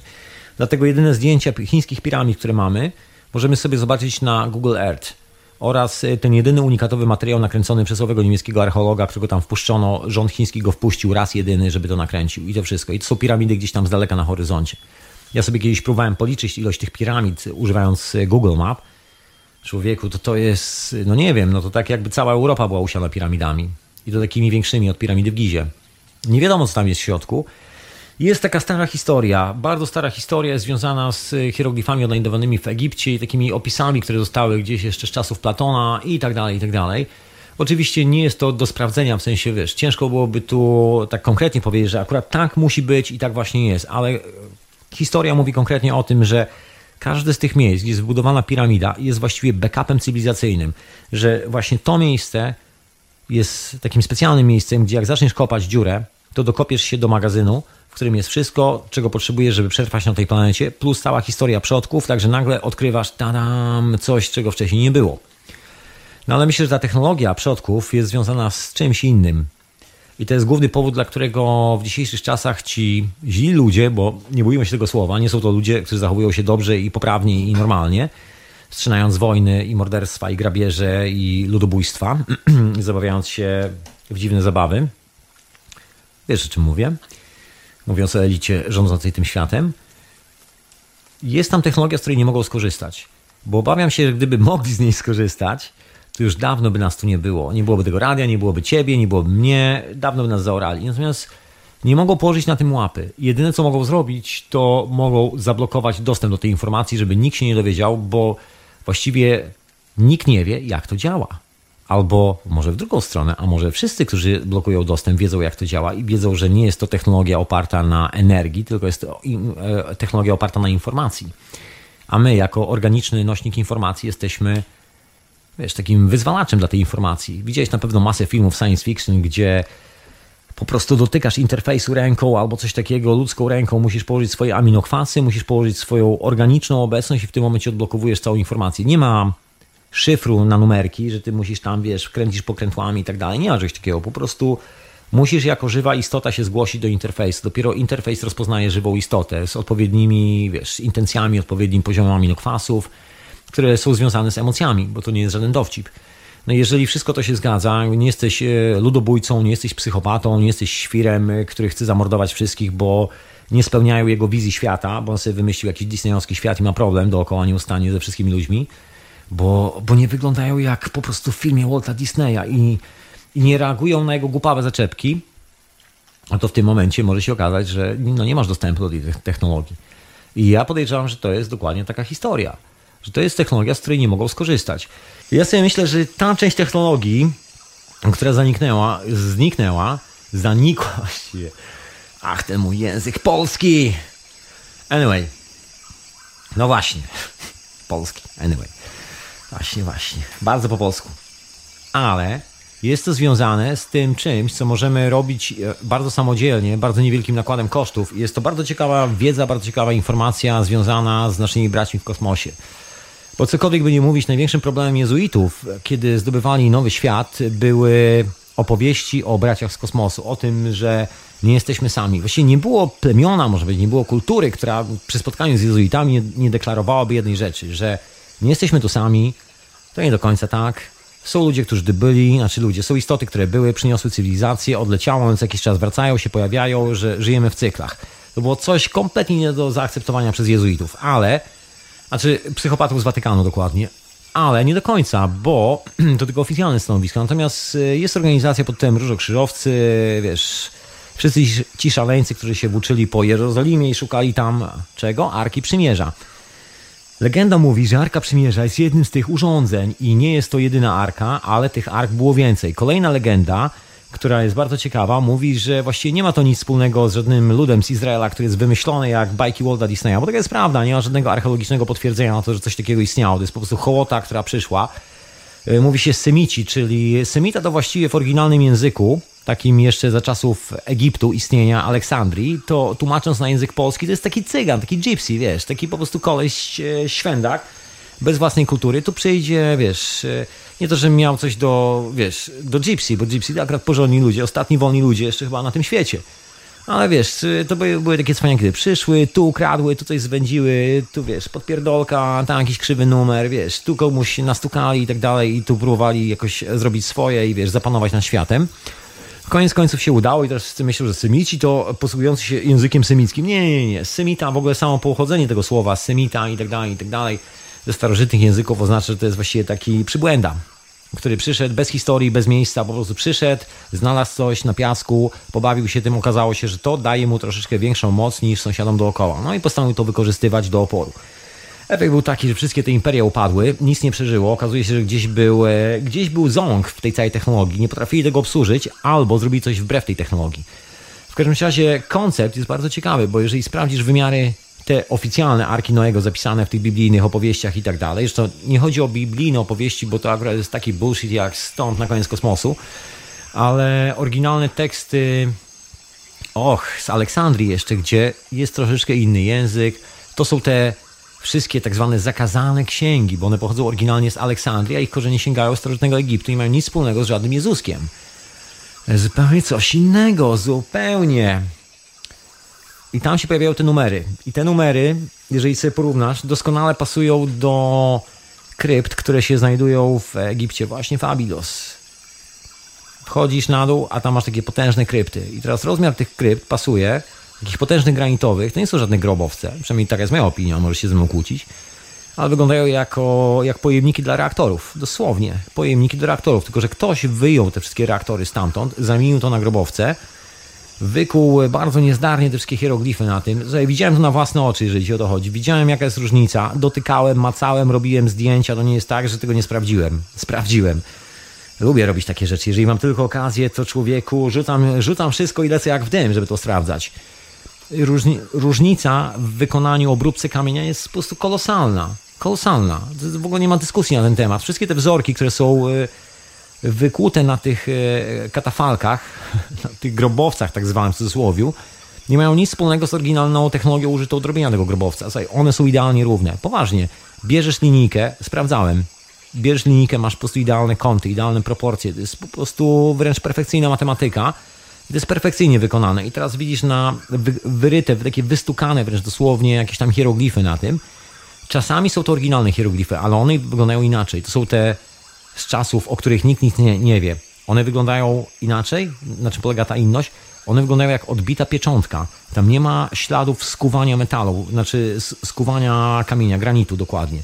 Bo moment, kiedy bierzesz dłuto i zaczynasz kuć e, jakikolwiek granit, to musisz być świadomy tego, że granit jest taką skałą, która składa się z wielu innych skał. Jest to taki miks tego wszystkiego. Jeżeli masz, a tam są takie dosyć specyficzne granity z, e, z Asłanu, które mają duże przerosty w środku kryształów, kwarcu i tak dalej, i tak dalej. Mineralne historie.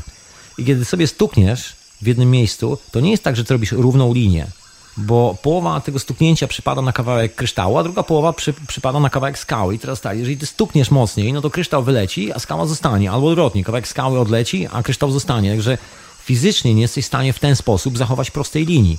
W dzisiejszych czasach używa się specjalnych, potężnych szlifierek, tokarek, które chodzą tylko przez parę minut z takimi potężnymi tarczami, które w to wjeżdżają. Wszystko jest spryskiwane chłodzoną wodą wiesz, i tak dalej. Szaleństwo, po prostu potężne takie głowice obrotowe w, e, w 3D, dosłownie, bo ta głowica się obraca we wszystkich trzech pozycjach dookoła, trochę jak ploter do drukowania 3D i ta głowica waży troszeczkę i wiadomo, że nie obrobisz tam zbyt dużych kamieni, bo po prostu fizycznie nie ma takich głowic na świecie, które by były w stanie to pociąć, dociąć i w ogóle pracowałyby w ten sposób, bo po przecięciu paru takich kamyków ta tarcza jest do wyrzucenia. Tak zwyczajnie, po prostu nie masz tej tarczy. Twardość tego kamienia powoduje, że tarcza znika podczas cięcia w oczach.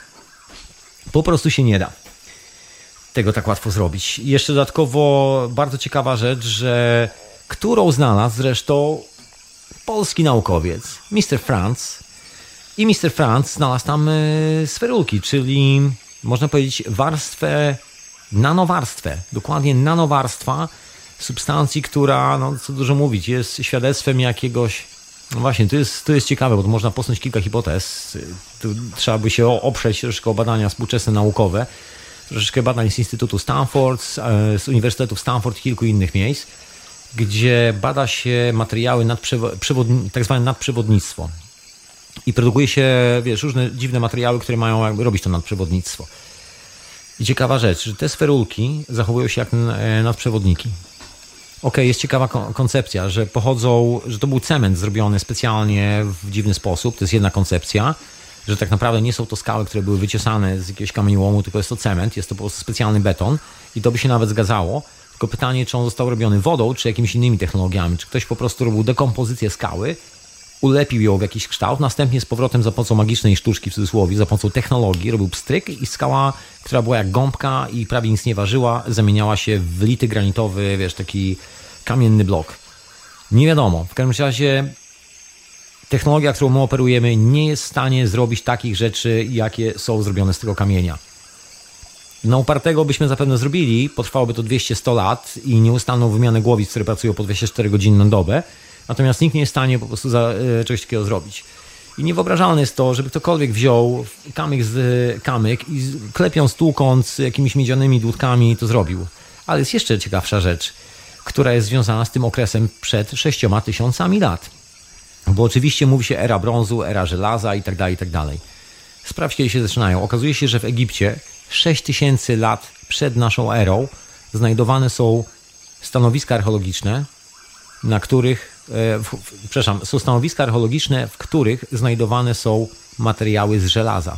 A teraz sobie sprawdź, kiedy odkryliśmy żelazo. Przecież to jest uprzednie stulecie, poprzednie stulecie. To skąd ci ludzie 6000 lat temu mieli tą technologię? I ona zniknęła. Były artefakty z żelaza, jest ich parę na świecie, są znajdowane w Azji, są znajdowane, nie śmiej się, w Australii, są znajdowane w wielu miejscach. Ameryka Południowa to standard. Nawet w Ameryce Północnej, słuchaj, e, przedmioty z żelaza, które są oficjalnie się datuje tam, wiesz, ktoś tam powiedział, a może to Indianie zrobili 500 tysięcy lat temu. Nie, nie, nie. To jest o wiele, wiele głębsza warstwa archeologiczna. Mówię o stanie Utah i tam się znajduje, znaleziono kilka takich rzeczy, i tam się znajduje kilka takich wykopalisk archeologicznych, dosyć konkretnych. No i znajduje się żelazo. Ciekawostka. To jak to wiedzieli, jak robić żelazo? Inna sprawa, że żelazem też granitu nie skujesz, bo to też jest zbyt miękka historia. Nie uda ci się. No chyba, że spędzisz tysiące lat nad tym. Także to jedyna opcja. No i rozmiary tych katafalków, które są wręcz perfekcyjnie wykonane, idealnie pasują do rozmiarów reaktorów, które są opisywane przez wiele y, różnych takich, y, wiesz, y, religii, które są science fiction, takie jak chrześcijaństwo, judaizm i tak dalej, wszystkie te opowieści, jako Arka Przymierza idealnie do siebie pasuje. Kilku ludzi próbowało nawet robić takie pomiary, wiesz, archeologów i, i architektów, kilku dżentelmenów z Francji, kilku tu z Anglii i zgadza się, nieustannie się zgadza. I to jest ten nieustanny problem, że to się zgadza, jakby ten pomysł. Inne pomysły się nie zgadzają, a ten się zgadza. Bo wiadomo, że wiesz, o ile łatwo wyryć te wzorki, właśnie, bo tu jest jeszcze taka historia, że katafalki są idealnie równe. Badałem kątomierzem, poważnie. Są idealnie równe. Po prostu bierzesz laserowy czujnik od, od początku do końca i sobie masz idealną linię, prosto bez idealnych odchyleń. Wszystko jest zapolerowane. Weź ty zapoleruj granit, używając kamyków. No, to dowcip jest chyba. Musisz mieć jakąś naprawdę niezłą technologię, żeby zapolerować tak potężne płaszczyzny granitu tak równo, bo przejeżdżasz laserem i na dużych powierzchniach od razu widzisz od, odchodzące jakby płaszczyzny. W dzisiejszych czasach współczesna astronomia jest centralnie, że tak powiem, w dubsku, bo technicznie nie jesteśmy w stanie wykonać dużego lustra szkła, y, które ma równą powierzchnię, nawet zakrzywioną powierzchnię i robimy to czujnikami laserowymi itd., tak itd. Tak Te duże, potężne teleskopy składają się z małych, małych lusterek bo to jest jedyny sposób, w jaki jesteśmy w stanie to obrobić, tak żeby ta precyzja była zachowana. Bo w tym momencie ustawiamy precyzję małego lusterka. Jesteśmy w stanie wymienić lusterko. Natomiast na, na dużej powierzchni to nawet nie jesteśmy w stanie równo zeszlifować szkła. Jeżeli dam ci taflę szkła, która ma przypuśćmy, nie wiem, 2,5 metra na 2,5 metra soczewkę i każe ci ją równo zeszlifować, nigdy ci się to nie uda. Nie ma maszyny, która to zrobi i tak dalej, i tak dalej. Inna sprawa, że szkło jest cieczą, także też ciężko tutaj zachować taki, e, wiesz, takie równe rozmiary, no ale dobra, zeszlifuj granit w ten sposób, też tego nie potrafi zrobić, nikt nie potrafi tego zrobić. Bo tu już na dużych płaszczyznach widać od razu drobne odchylenia, te wszystkie milimetrowe odskoki od razu się rzucają. Jeżeli laserem przejedziesz, to od razu wszystko widać. No i to jest oryginalny, oryginalny design, pierwotny design. Natomiast wszystkie te wyrzeźbione, wy, wykute dłutkiem, wiesz, te wszystkie hieroglify na tym, słuchaj, to jest tak krzywe, no szczerze wygląda jak robione po pijaku. I wcale nie żartuję. Znaczy, bez przesady może z tym popijaku, ale naprawdę wygląda, to już jest działanie jakiegoś młotka, dłuta i wieczne klepanie, nie wiadomo co. Jest to widać, że, że nawet prostej linii koleś nie potrafili na tym zrobić. Nie ma ani jednej prostej linii na tych, na tych e, sarkofagach z tych wykutych nowych hieroglifów. Nic. Nawet krzywej jeżeli robili ząbki, nawet tego im się nie udało zrobić. Wszystko jest poszarpane, wyrwane, zdewastowane. Widać, że ktoś dorwał się do dłuta i postanowił, że teraz przekuje sobie te katafalki na swoją własną modłę i się podpisze pod czymś, o czym nie ma bladego pojęcia. Albo ma. W każdym razie ponoć tych reaktorów było parę. No i wracając do tych różokrzyżowców, oni jako pierwsi zapuścili się do Egiptu, oni jako pierwsi zapuścili się do Jerozolimy. To byli ludzie, którzy wiedzieli, że była jakaś cywilizacja poprzednia, bo mówimy o, że tak powiem, forpoczcie, takiej najbardziej agresywnej, brutalnej, oddziałach specjalnych SS Watykanu które wstrzyły wojnę na Bliskim Wschodzie i tak dalej, i tak dalej. Wszystkie te historie. To były takie oddziały specjalne, Waffen-SS z ówczesnych czasów. Oczywiście złączone z siłą bankierską, no ale to normalne, to klasyczny numer. Ci ludzie zawsze się lubią nawzajem. Bankierzy i Waffen-SS to się nigdy nie zmieniło. Do dzisiejszych czasów zdaje się to Waffen-SS made in United States and Great Britain and other countries. Czy jakoś tak e, okupują kilka ciekawych miejsc na świecie i mordują wszystkich jak leci po prostu. Wyżynają jak tylko się da za ropę, za uran, za inne rzeczy i tak dalej, i tak dalej. Za panowanie nad światem, za władzę i pieniądze. No wiesz, psychopatów nie brakuje. I nigdy ich nie brakowało, jak się okazuje, przynajmniej w ciągu ostatnich tysięcy lat. I jest podejrzenie, że różokrzyżowcy trachnęli w Jerozolimie jeden z reaktorów. Znaczy znaleźli, ale nie byli w stanie odpalić. Nie wiadomo na jakiej zasadzie, nie wiadomo czy to był cały reaktor, tylko część tego reaktora. Nikt tego do końca nie wie. Wiadomo, że znaleźli coś, co było na tyle ważne, że właściwie powodowało no, jakieś bardzo duże zamieszanie, jakąś bardzo dużą zmianę w tej całej historii watykańskiej, że nagle trzeba powołać jakieś zakony, trzeba powołać e, jakichś strażników, trzeba porobić jakieś wojny, trzeba tutaj zamieszać sytuację, bo coś ciekawego może wyjść, e, że tak powiem, na forum publiczne, a nikt tego nie chce. I być może były to reaktory. Jest słynna historia związana z Wyspą Dębów, tak to się nazywa, jest taka wyspa, nazywa się Wyspa Dębów przy Kanadzie, Poszukaj sobie Wyspa Dębów i jej tajemnica.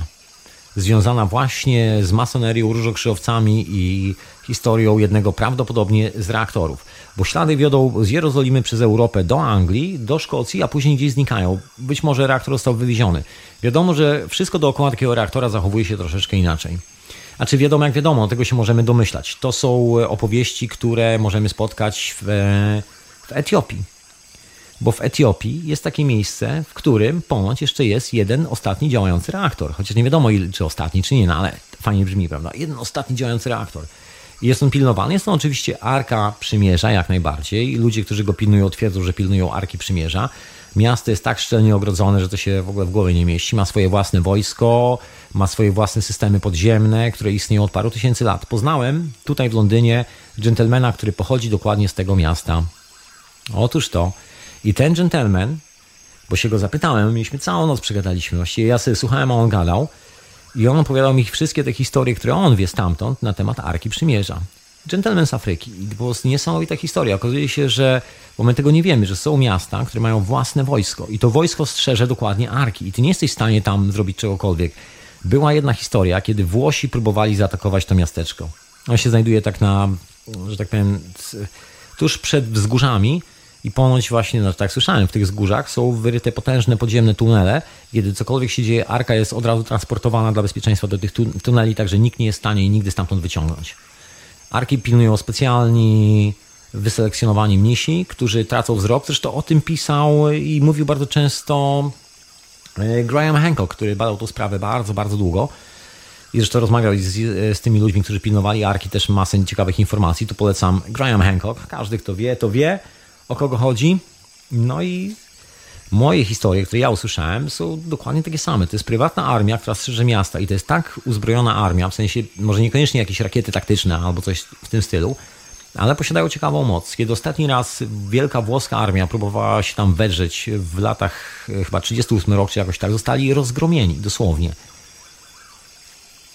przez y, chłopaków z, no nie wiem, no, kurde, na bosaka, którzy biegali teoretycznie z dzidami, mieli o wiele starsze karabiny i właściwie nic nie mieli. Nagle zostali rozgromieni. Gdzieś tam jest jakaś siła, która powoduje, że nikt nie jest w stanie dotrzeć do Arki, nikt nie jest w stanie ich zabrać, nikt nie jest w stanie wejść do tego miasta, a nawet jeżeli mu się uda, to Arka jest automatycznie transpono, e, chowana, e, chowana w tych podziemiach i nikt nie jest w stanie jej znaleźć. I ona jest tam cały czas pilnowana. to jest ponoć jeden z działających reaktorów. Ponoć jest większa radiacja dookoła. Ponoć są pewne zjawiska, które nie występują gdziekolwiek indziej. Ona też nie jest, y, że tak powiem, tak wystawiona normalnie, że ty możesz tam podejść. Ponoć ona w ogóle gdzieś jest tak czy siak schowana troszeczkę bliżej, może nie głęboko, ale gdzieś w tych podziemiach. I to, co widzisz, jest taka mała kaplica na zewnątrz, taki mały kościółek, przez który wchodzi się do podziemi i tam się wchodzi do arki. Są specjalni właśnie delegowani mnisi, którzy pilnują tej arki i chorują na kataraktę. Każdy z nich, e, z tych pilnujących arki, ma bardzo krótki żywot. Po tam 5 czy 6 latach umiera. Pierw dostaje katarakty, a później umiera. Czyli takie, takie klasyczne objawy choroby popromiennej, tak byśmy to nazwali. I Graham Hancock to barał, jeżdżąc tam przez parę lat. I właśnie taka ciekawa historia, że mówi, że wiesz, kiedy pojechał po raz kolejny parę lat później, no to już był inny mnich, bo tamten po prostu zmarł. Dostał białaczki, katarakty i tak dalej, i tak dalej, wszystkie objawy choroby popromiennej i teraz jest już nowy mnich. I oni mają takie podejście, że oni są dedykowani. Oni się nie boją tego, że odejdą stąd do krainy Duat, Absolutnie się tego nie boją. Oni wiedzą, że to jest, to jest ich misja. Oni po prostu pilnują tego, żeby nikt nie położył na tym łapy. To jest ostatni kawałek przymierza z Bogiem, z Bo tak to nazywają. Ja bym troszkę e, posunął ten margines, rozsunął go trochę, bo moim zdaniem nie jest to przymierze z Bogiem, jest to przymierze z nami samymi, z kosmosem, ze wszystkim. Ono oczywiście zostało zdewaluowane na przestrzeni czasów. Uwierzyliśmy w bóstwa, uwierzyliśmy już w takie bzdury, że to się w głowie nie mieści. Do tej pory wierzymy. Zresztą słuchaj, otwórz sobie jakikolwiek portal, jakąkolwiek gazetę. Co widzisz? No właśnie, jest taki napis, e, który ktoś kiedyś zrobił na murze. Nie wiem, czy to nie, nie był Banksy, coś w tym stylu. Taki e, Stop make e, stupid people famous, czyli przestań robić głupi, głupich pi, e, ludzi po, e, popularnymi. No ale jak się obejrzysz na gazety, to co widzisz? Ta, ta zgubiła majtki, Temu spadł biustonosz, e, tamten poczuł się kobietą, a tamta poczuła się chłopakiem, e, tutaj kurde w rozkroku, wiesz, tego typu sprawy. No to ciężko, że tak powiem, dealować taką sytuację. W takim kontekście, że wiesz, tu masz połączenie z braćmi, z kosmosem i tak dalej. No w takiej opcji, no to jedynie chyba zostaje wierzyć w jakieś tajemnicze bóstwa, no bo właściwie trzymając rękę nieustannie w gaciach, ciężko się dowiedzieć czegoś o kosmosie. Można co najwyżej się dowiedzieć czegoś o swoich własnych gaciach. Też chyba nie za dużo. No się okazuje, że historia za tym może być dosyć gruba. Wiadomo, że wiadomo, że doniesienia o takich tajemniczych urządzeniach nie są tylko i wyłącznie związane z, z Afryką, nie są i wyłącznie związane z Egiptem. Są opowieści o tych w cudzysłowie nie może arkach przymierza, tylko o urządzeniach, które dawały ci kontakt z inną rzeczywistością. Troszeczkę bardziej rozszerzoną. To jest troszeczkę tak jak budka do teleportowania się w kosmos, budka, dzięki której, czy technologia, dzięki której możesz spotkać braci w kosmosie, technologia, która ciebie transformuje, bo wszystkie opisy, zarówno z Azji, zarówno z Ameryki Południowej, Yucatanu, Indian, Hopi, sobie wymyślaj sobie co chcesz. Naprawdę wszystkie te opisy mówią bardzo jasno i wyraźnie o tym, że elementem korzystania z tej technologii jest wewnętrzna transformacja. To sama historia w Europie. My jesteśmy spuścizną, dziedzictwem tej e, kultury. Czym, że jest alchemik, jest częścią procesu, który wytwarza. Dokładnie na tej samej zasadzie. I nikt nie może się dotknąć do tej maszyny i ją odpalić, dopóki nie jest ok sam ze sobą. I to tak konkretnie ok. Nie możesz nikogo krzywdzić, musisz mieć odpowiednie aminokwasy i tak dalej, i tak dalej. W judaizmie jest ciekawa historia, która mm, jest opisana w Kabalonie. Kabalon nie jest akurat nie należy do judaizmu, to jest coś, co judaizm ukradł z Aleksandrii, tak zwana kabała, nazywają to kabałą. Jest to taka, taki bardzo młody, przepisany tekst, y, można powiedzieć, że kompilacja oryginalnych alchem, alchem, rozumiesz, alchem, egipskich tekstów, alchemia. Stąd się to wzięło, stąd się wziął kabal, jon, to są egipskie historie. To nie ma nic wspólnego z żadnymi semitami, z żadnymi cwaniakami, które się włóczyły po pustyni, szukały łatwego zarobku albo czegoś takiego. To nie była banda śmądaków i głupków. To były po prostu teksty, które zrabowano gdzieś tam z Biblioteki Aleksandryjskiej, skompilowano, zamieniono w jakiś taki pseudotologiczny tekst, który ma pochowane kilka, ponoć, ponoć ma pochowane kilka ciekawych rzeczy związanych z tą technologią obsługi właśnie owej, w cudzysłowie, Arki Przymierza, tego, tej technologii, która ciągle gdzieś tam parkuje pod ziemią, przynajmniej według mnie. I jest tam bardzo ciekawy opis, tak samo w, widnieją w Starym Testamencie i w kilku innych kulturach, akurat takich właśnie tak zwanych semickich. Ten opis y, znajduje się bardzo podobny, znajduje się gdzieś y, w sumeryjskich tekstach, już tych młodych do odszyfrowania, bynajmniej nie są to teksty Anunnaki, ani nic z tych rzeczy. Absolutnie. Anunnaki dokładnie oznacza właściwie władcę o, to może zostawię, bo to w ogóle takie też dyskusyjne, bo to właściwie nikt nie wie, co oznaczało Anunnaki. Zachariah Sitchin e, mówił jedno, jest do tego jeszcze parę, parę koncepcji, jakieś pięć różnych tłumaczeń tego słowa, które oznaczają coś zupełnie innego. Właściwie każdy w tym słowie widzi to, co chce zobaczyć. Także też ciężko się na tym opierać. Ja nie jestem ekspertą od tych e, języków na tabliczkach glinianych, także też nie chcę tutaj wymyślać żadnych nowych rzeczy. W każdym razie te zapisy mówią o, te, które zostały, mówią o tym, że przy podchodzeniu do reaktora, nazywam reaktorem, i to jest nawet Biblii opisane, tak zwanej, ale tej e, judaistycznej, takiej największej ściemie. Ale jest tam kilka ciekawych rzeczy, jak, że jak się podchodzi do reaktora, musisz mieć specjalny shielding, czyli specjalną tarczę. To jest w Kabalionie opisane, że każdy materiał ma swoją inną radiację, inne promieniowanie i żeby, że tak powiem, skleić się z tą energią, musisz mieć dokładnie ten sam potencjał energetyczny. Tak można w skrócie nazwać, potencjał informacyjny. Jest tam słynna historia, którą zresztą Żydzi do tej pory w ramach takiej pamiątki ponoć, nie wiem po kim, bo sobie wymyślili własną historię, nie mają żadnej historii. To jest tak jak mówiłem, po prostu banda przybłęd, która wylądowała i wymyślała sobie historię skradzionych kawałków od kogoś. No ale jest tam opowieść o tym, że do tej pory właściwie noszą coś w rodzaju takiego, takiej zbroi na, na klacie, która jest wyszywana złotymi kamieniami. To, słuchaj, to przetrwało w Europie długie lata. Zresztą zobacz skąd się wzięły medale, ordery, szarfy, wszystkie te elementy. To jest troszeczkę taka przeniesiona legenda, że to jest coś, co pozwala ci sterować urządzeniem. W jaki sposób? Otóż już wyjaśniam. Rzecz jest bardzo prosta. Wyobraź sobie, że urządzenie ma konkretną radiację, odbija konkretne pola. I teraz, jeżeli wejdziesz w to, w to pole, tą radiację tego urządzenia, reaktora, może cię zmieść, bo twoja kompozycja aminokwasów nie pasuje, kilka rzeczy się nie zgadza i automatycznie ta energia, zamiast się z tobą skleić, automatycznie cię, że tak powiem, ora do zera. Jest troszeczkę jak w filmie Indiana Jones. Reaktor jest odpalony, a ty się rozsypujesz na proszek. I po tobie. I żeby przeżyć tą historię, musisz się stuningować, jakby dostosować, założyć coś w rodzaju zbroi, która oszuka urządzenie, jakby odbije odpowiednią ilość e, częstotliwości w odpowiedni sposób, tak że urządzenie cię zaakceptuje.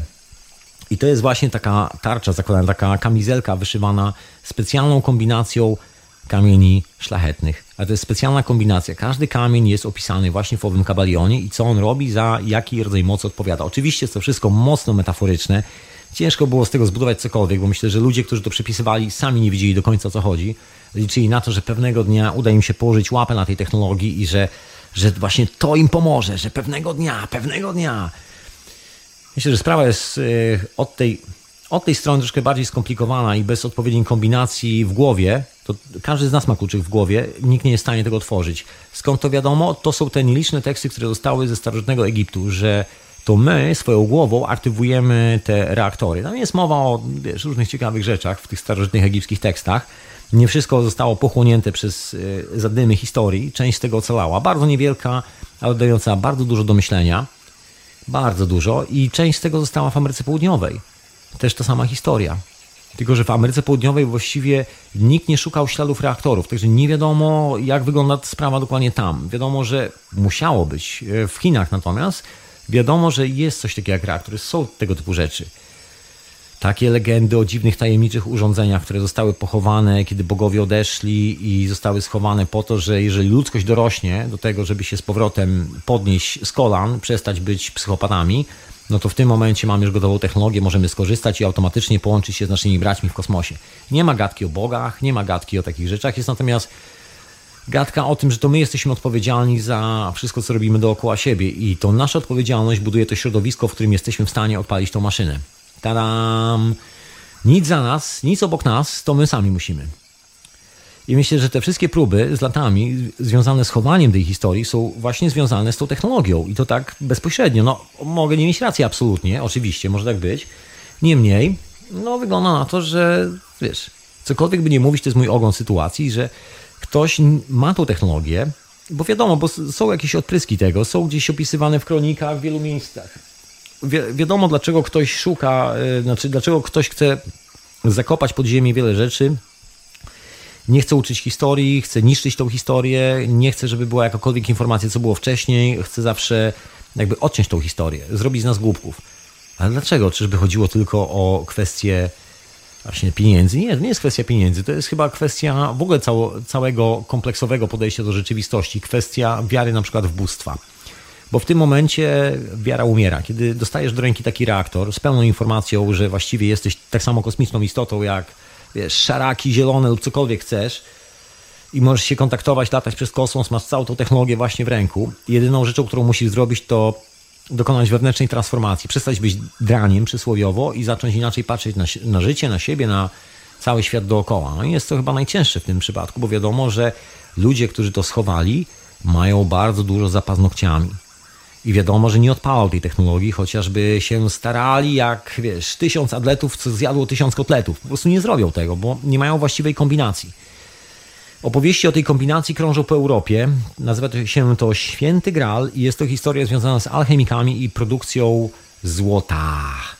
Wiadomo, że kilku się udało, o tym już mówiłem. E, zresztą, co, co dużo mówić, historia wraca jak bumerang. Zresztą Rosyjscy naukowcy oficjalnie poinformowali, że bez problemu robią transmutację ołowiu w złoto na konferencji prasowej. Czasy się zmieniają. Tadam! Wiadomo, że nie jest to już bajka, taka wiesz, o smoku z siedmioma głowami i tak dalej. Wiadomo, że ta akurat część historii jest jak najbardziej prawdziwa i jest e, no, więcej niż prawdopodobieństwo. Po prostu wiadomo, że ktoś e, produkował złoto w Europie. Mówimy o rodzinie Rothschild, o być może kilku innych dżentelmenach Dlatego że alchemicy byli tak pożądani na dworach, ale tylko ci, którzy potrafili to robić. I pomimo, że Europa była cała zablokowana, zabita dechami i samo stwierdzenie, że jest coś więcej niż płaska ziemia, kosztowało cię życie i granie od razu lądowałeś na stosie, to w przypadku alchemików, to dosyć, alchemików, co było dosyć zabawne, nie lądowali na stosie, funkcjonowali oficjalnie na dworach królewskich, które były z namaszczenia Watykanu. Tam przecież, żeby dostać koronę, to papież musiał się namaścić. Nie było problemu, że królestwo zostało wyklęte, bo ma alchemików na pokładzie. Nie, nie. Każdy wiedział, że ta wiedza pozwala zmieniać wszystko. Że jest to potężny potencjał informacji, który powoduje, że jesteś praktycznie niezależnym człowiekiem. Być może Arka Przymierza, być może coś innego, nie wiadomo. Ja tu jeszcze mam takie rzeczy jak manuskrypt Wojnycza ciekawostka. I to myślę, że też jest kwestia tej zagubionej technologii, która gdzieś tam, wiesz, kawałki przetrwały do dzisiejszych czasów. Znaczy, przetrwały jak przetrwały.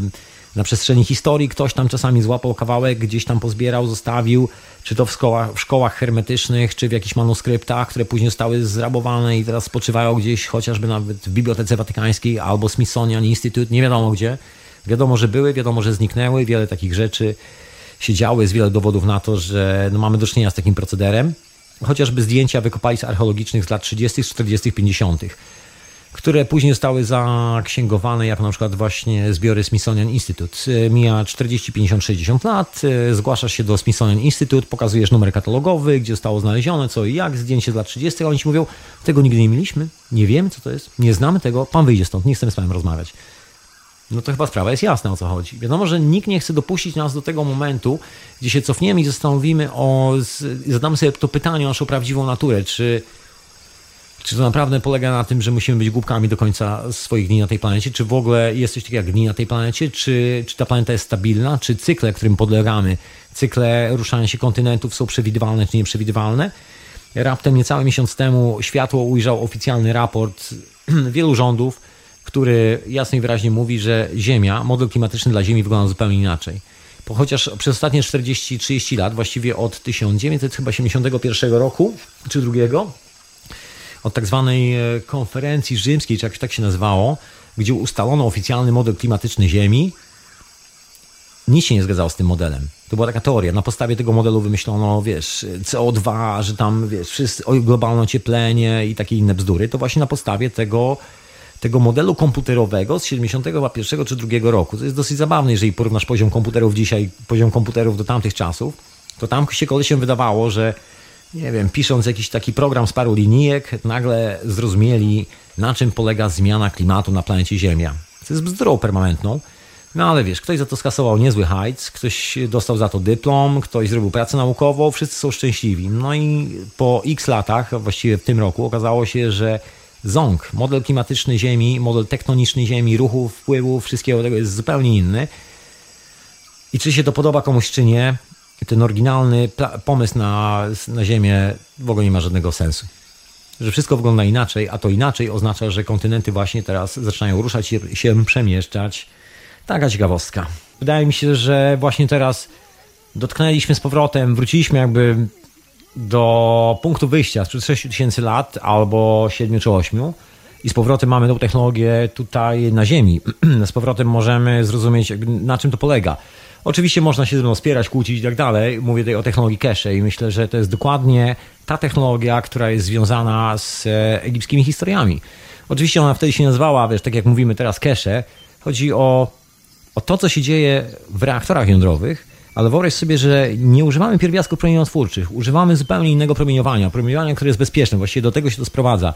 Operujemy na tych subtelnych energiach, na których jest oparty cały kosmos i być może te wszystkie reaktory, te wszystkie rzeczy są właśnie z tym związane. Zresztą, jeżeli się przyjrzysz na tak zwaną egipską księgę umarłych, która w rzeczywistości nie jest księgą umarłych, jest księgą przejścia do krainy Duat, zauważysz bardzo dużo wspólnych punktów i to naprawdę więcej niż dużo. Właściwie to są same wspólne punkty. Wiesz, bo teraz nazywamy technologię, to jest chyba taki kult cargo naszych czasów, zawsze od e, człowieka, który ją wymyślił i tak dalej, i tak dalej. Nie, wiesz, nie łączymy tego jako czegoś kompleksowego. Wiesz jeżeli e, wymyślamy, jako, jeżeli znajdujemy jakąś planetę, to nazywamy ją na przykład planeta Kościuszko, albo planeta Kopernik, albo coś tam, coś tam, coś tam. Zawsze dajemy ten attachment, czyli tą taką doklejkę z e, nazwą autora, wiesz, że to jest czyjeś. Natomiast wiedza właściwie informacji nie ma ojca jako takiego. Wydaje mi się, że po prostu jest to nic innego jak, wiesz, takie pole informacji z którego każdy może skorzystać i tu nie ma ani, wiesz, nauczycieli, ani uczni, ani go takiego. Jest tylko moment wskoczenia w tę informację i nauczenie się korzystania z tej informacji, z tych właśnie drobnych, lekkich, lekkich e, radiacji, można powiedzieć. Też obserwując ptaki, które latają w powietrzu, te potężne klucze ptaków, tu w Anglii jest to dosyć popularne. Niesamowicie to wygląda, kiedy widzisz parę tysięcy ptaków w takim kluczu, które się organizują po prostu w ułamku sekundy jest koncepcja właśnie pól morfogenetycznych, ale koncepcja pól morfogenetycznych to nie jest koniec, to jest dopiero początek tej historii, bo ona mówi o tym, że wszystko polega na informacji. Te ptaki się komunikują ze sobą w real zero time delayed, czyli zero, zero czasu, jakby takiego opóźnienia w czasie. Wszystko jest w czasie rzeczywistym, przesyłają sobie informacje w sposób, który my nie, którego my nie jesteśmy w stanie zrozumieć. Absolutnie. Dlatego te ptaki w tym kluczu nigdy nie wpadają na siebie. Tam nigdy nie ma korków, nigdy nie ma karamboli, nigdy nie ma stłuczek, zderzeń. Normalnie, gdyby wypuścić ludzi w samochodach na płaskiej drodze i powiedzieć start, to skończyłoby się takim wielkim klincem. Wszyscy by się zaklinowali w wielkim korku i wypadku samochodowym. Natomiast z ptakami tego problemu nie ma. No i tutaj jest historia związana z tym, co się aktualnie bada przez naukę, chociażby z tą technologią, o której wspominałem. Drobne, drobne pola radiacyjne, takie, wiesz, znaczy drobne, w sensie porównując do reaktora jądrowego i rozszczepialnych reakcji łańcuchowych i tak dalej, i tak jest to troszkę inna sprawa. Jest to dokładnie to samo, tylko że już bez tych toksycznych właściwości e, reakcji jądrowych, bez promieniowania promieniotwórczego, bez tych promieniotwórczych radioaktywnych elementów, które nas roztrzaskują na kawałki. To jest zupełnie inna energia. To jest energia, która odpowiada za życie, odpowiada za stworzenie, odpowiada za komunikację się wszystkich roślin. Jest oparta o aminokwasy. Zresztą bardzo poważne prace naukowe, które teraz wychodzą, znaczy bardzo poważne, w sensie takie wiesz, instytuty, które mają dużo dyplomów, dużo noblistów i tak dalej, zaczynają powoli coraz głośniej o tym pisać, że właściwie forma komunikacji na tej planecie, nie tylko na tej planecie, bo to już powoli zaczyna wychodzić poza tą planetę, szczególnie wtedy, kiedy okazało się, że pracownicy NASA zwani kosmonautami, czy jakoś tak, ja to mówię po radziecku, kosmonauta. I tyle. Przywieźli na, na promie bakterie z kosmosu. Po zewnętrznej stronie szybki okazało się, że ty w kosmosie coś żyje. To nie jest tak, jak nam mówią do tej pory, że to jest jakaś dzika próżnia. To jest dalej coś, co funkcjonuje, dalej, dalej jakieś tam życie jest, dalej coś się dzieje. Nie wiemy jak, nie wiemy co, a może tylko udajemy, że nie wiemy. Może ta kluczowa informacja pod tytułem, że jednak aminokwasy że to jest ta drobna radiacja, my to nazywamy aminokwasami, że to jest właśnie ten pierwiastek produkujący całe życie, że to jest ten moment, ten pilot, którym kontrolujemy praktycznie całą rzeczywistość dookoła. To wszystko myślę jeszcze dopiero przed nami odkrywanie tych wszystkich rzeczy. Tak naprawdę dopiero stajemy na tym progu, tak mi się wydaje, i to jest właśnie moment, kiedy ruszamy z całą tą wiedzą od nowa po raz pierwszy od 6 tysięcy lat. I to tak dosyć mocno i bardzo fajnie.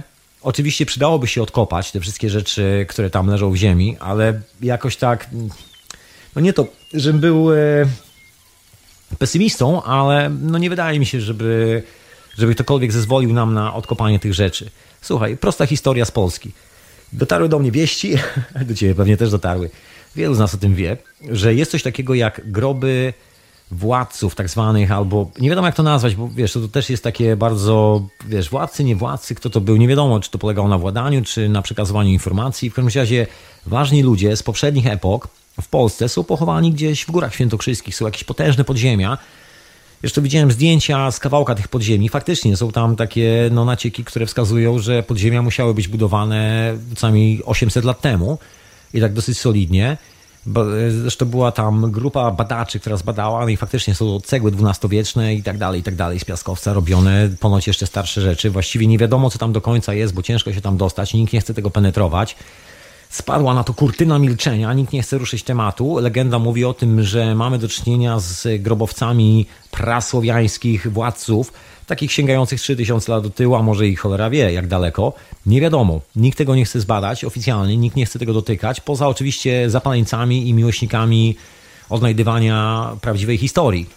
Niezależnie z jakich pobudek, niezależnie od tego z jakim nastawieniem, to jedno nastawienie, żeby odkryć historię i zweryfikować swoją wiedzę na temat, kim jestem, skąd przychodzę, dokąd zmierzam, to jest chyba najbardziej szczytny cel. Także tutaj akurat się nic nie liczy, czy to patrioci, czy nie patrioci, tak czy siak. Chodzi po prostu o to, żeby się dowiedzieć, żeby mieć z powrotem tą informację, bo to informacja jest tym kluczowym elementem, który kształtuje naszą rzeczywistość. Nie e, zasoby, nie wszystkie te rzeczy, bo już teraz wiemy, od momentu opublikowania przez Rosjan chociażby, jeżeli chcesz się opierać na tylko naukowych badaniach, no to już wiem, że transmutacja jest możliwa, że walka o zasoby nie ma żadnego sensu. Zresztą jest patent na produkcję złota z lat 70., 76 rok.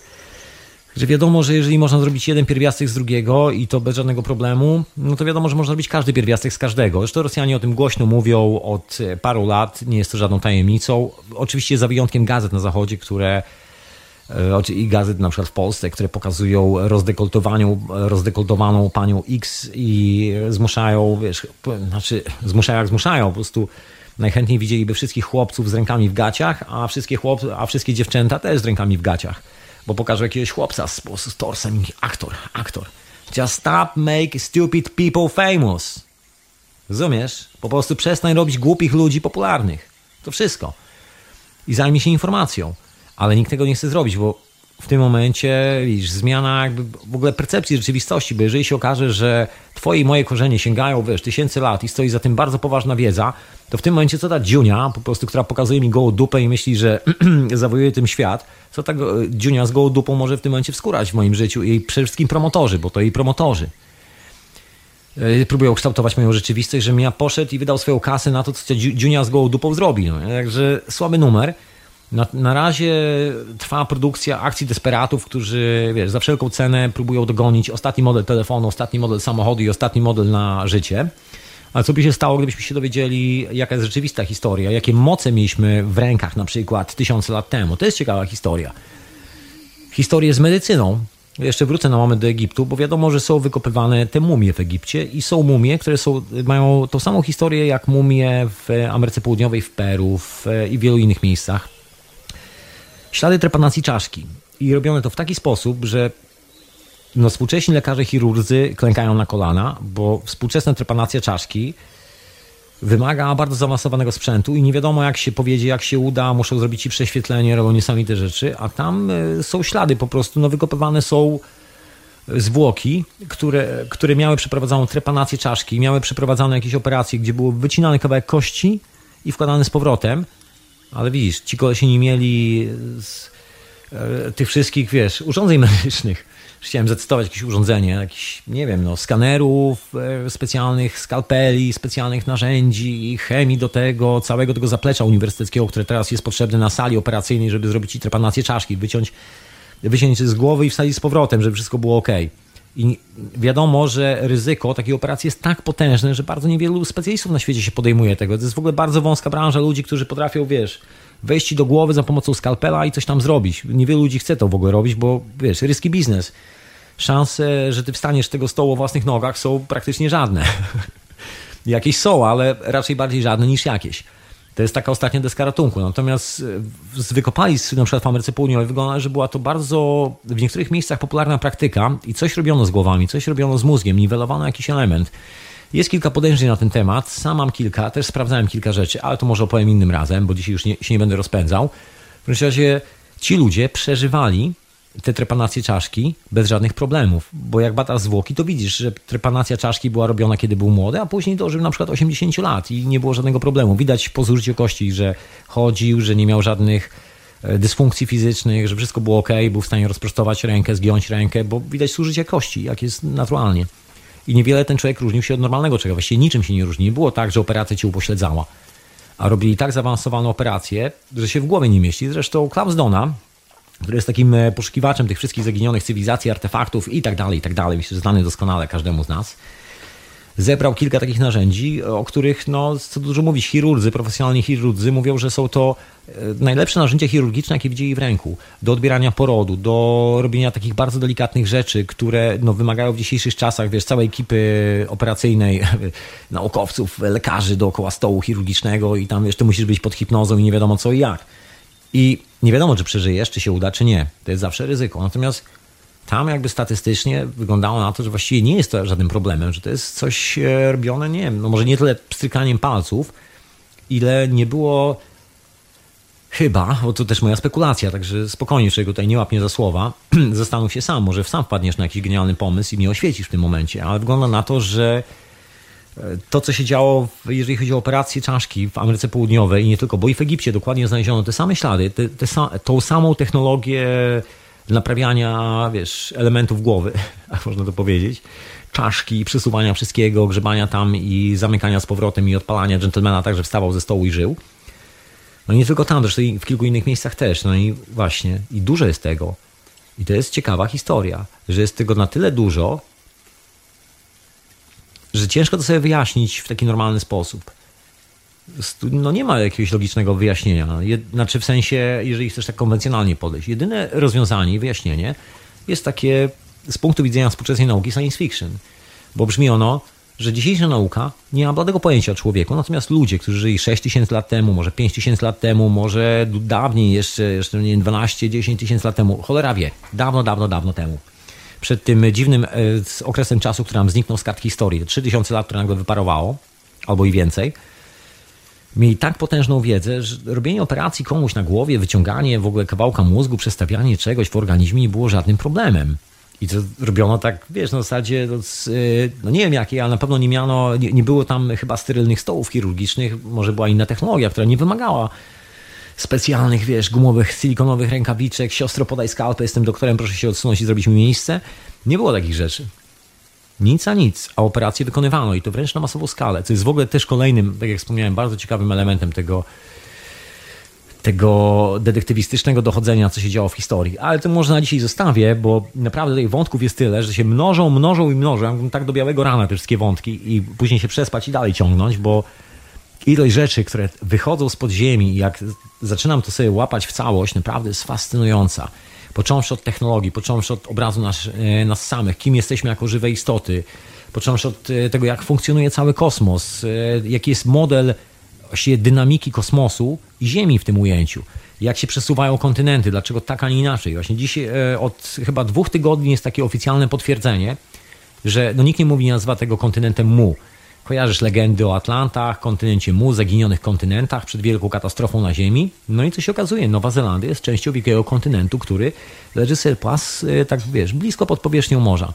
Kiedyś, jak dowodzą naukowcy, był to wielki kontynent, który podczas przesuwania się płyt tektonicznych zszedł sobie w dół, bo Pacyfik się rozsunął. Ała. I nikt tego nie jest w stanie, wiesz, e, nikt temu nie jest w stanie zaprzeczyć. Chociaż przez ostatnie 50, 60 czy tam 200 lat ludzie się pukali w głowę. Mówi, nie, to są jakieś bajki. No może 200 lat temu nie do końca, ale na pewno 50 lat temu, czy jeszcze 20 lat temu było to permanentnie bajką. To jest trochę jakbyś wszedł na uniwersytet, e, który się szanuje i tak dalej. I zaczął uczyć ludzi historii, archeologii, zaczął swój wykład od tego, no więc wróćmy do czasów Atlantydy, drodzy studenci. W tym momencie byłby dowcip, zostałbyś wywalony na zbity pysk z uczelni, bo to właściwie no, nie ma rozmowy za bardzo. Jest taka science fiction od strony naukowej. Ale się okazuje nie do końca. No może z Atlantydą tak, bo jeszcze nie mamy żadnych dowodów, nie wiemy nic poza tymi oryginalnymi, niewielkimi, szczątkowymi zapisami z Egiptu. Ale jak się okazuje, Ameryka e, Południowa już jest troszeczkę innym tematem, bo tu się okazuje, że Nowa Zelandia ma połączenie z, z w cudzysłowie, no, z wielkim kontynentem, który drzemie pod e, powierzchnią Pacyfiku. I wszystko wskazuje na to, że, ten, że to był po prostu wielki, gigantyczny kontynent. I tu zaczyna się dziać ciekawa historia. Wystarczy połączyć badania genetyczne mieszkańców e, wybrzeża w Ameryce Południowej. I nagle się okazuje, że mają podobne geny. Ten genotyp się pokrywa z genotypem ludzi, na przykład z Polinezji, z Fidżi i tak dalej. Czyli nie taki ruch, jak wymyślano sobie, że ktoś tam przepłynął, przeszedł przez ocean i tak dalej, tylko w ogóle coś, czego nauka w ogóle nie brała pod uwagę zupełnie inny model migracji ludzi na świecie. Bo oczywiście pomysł był taki, że pierw dotarli do Ameryki Południowej, stamtąd łódkami gdzieś przez ocean udało im się, czy przez Azję dotrzeć do tamtych wysp, nie byli połączeni. A tu się okazuje, że ślad tego połączenia jest jasno i wyraźnie widoczny w markerach DNA. No i teraz ciekawostka. Bez tylko jedna wyspa po środku Pacyfiku, którą musisz minąć, to jest Wyspa Wielkanocna. I później jest długo, długo, długo, długo nic jeżeli nie pogubisz się na środku oceanu, nie zjedzą cię różne, nie wiem, krokodyle, no nie, nie, na, nie na oceanie, nie zjedzą cię rekiny, nie zginiesz z braku wody i tak dalej, i tak dalej i uda ci się dopłynąć do lądu, to dopłyniesz do Ameryki Południowej. A jest to taka, wiesz, dyskusyjna sprawa, bo tam są mocne prądy morskie i tak dalej, i tak dalej. A tu się okazuje, że genotyp ludzi, którzy mieszkają właśnie na wybrzeżu, odpowiada genotypowi ludzi, którzy mieszkają gdzieś na Polinezji że było zabawniej. E, podobnie wygląda z badaniem genotypu tych mumii, które zostały jeszcze właśnie w Ameryce Południowej, bo jest tam znajdowanych troszeczkę mumii. To nie jest tak, że mumifikowano tylko w Chinach i tylko w Egipcie, ale też ta historia się wydarzyła w Ameryce Południowej. Nikt nie wie dlaczego, nikt nie wie o co chodzi. Jest to ta właśnie zaginiona kultura, która gdzieś tam mieszkała na wybrzeżu aktualnie Peru i Chile. Nikt dokładnie nie wie, co to byli za ludzie. Zostały tylko właśnie niewyjaśnione potężne kompleksy, z których najmniejsza piramida jest chyba siedmiokrotnie większej podstawy niż ta, która jest w Gizie. Zostały tylko resztki tej podstawy, tej piramidy. To są wszystkie te rzeczy z Tihuatinacan, e, z Machu Picchu i tak dalej. Zresztą Machu Picchu to jak się okazuje jest nic w stosunku do tego, co się znajduje dookoła Machu Picchu i jakie tam są ciekawe rzeczy. Na Machu Picchu wiedzą dwie drogi. Jedna jest taka dla turystów, taka lekka, a druga jest, e, to się nazywa jakiś stary szlak Inka, czy jakoś tak. I to jest ta oryginalna droga. I to jest zabawne, bo znaczy widziałem e, masę materiałów stamtąd zdjęć, no i się okazuje, że właściwie cała ta droga jest usiana neolitycznymi zabytkami. Właściwie idziesz po jakiejś pras, pradawnej kulturze, która miała tak potężną technologię, że obrabiała tak potężne skały, że nie wiadomo jak to w ogóle ugryźć. Jak, jak ten temat w dzisiejszych czasach technicznie ktokolwiek by mógł wykonać. I coś takiego jest. I jest to o wiele starsze niż teoretycznie Inka. Znaczy, no, no tak, no, są starsi od Inka. Inkowie mówili, że to są rzeczy wybudowane przez bogów. Właśnie, tylko że tutaj jest to, to pytanie o bogów, ponieważ się ten przydomek bogów został nadany przez jezuitów. Nie wiemy, czy Inka oryginalnie mówili bogowie, czy nie. Mówili ludzie z gwiazd, bracia z gwiazd.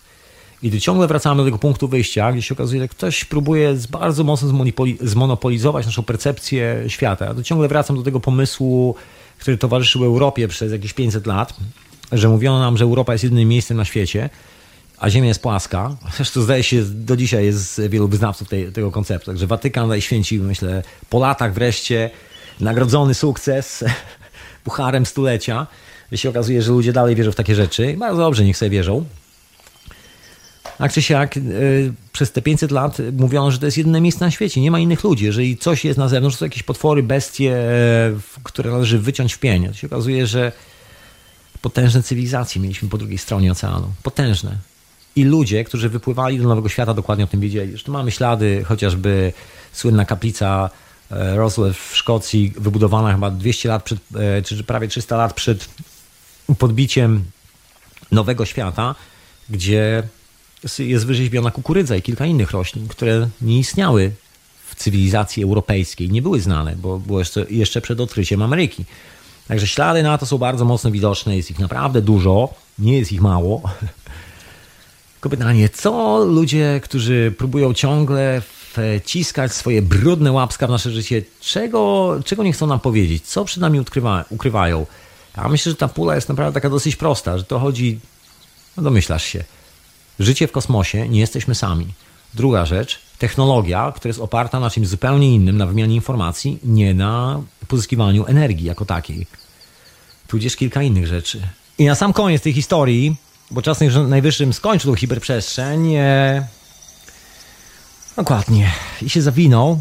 Zapraszam się na kolejny odcinek, ja pewnie będę penetrował dalej te tematy, bo jest kilka ciekawych rzeczy związanych stricte już z Egiptem, na które się tak przygotowuję, żeby ci wreszcie powiedzieć, ciągle mi to gdzieś wypada, ciągle gdzieś coś się dzieje i i gdzieś mi to umyka, a jest naprawdę bardzo ciekawa opowieść związana z nazewnictwem używanym w ogóle w starożytnym Egipcie, czyli czymś, co już w dzisiejszych czasach wiemy. Trochę z tego przetrwało.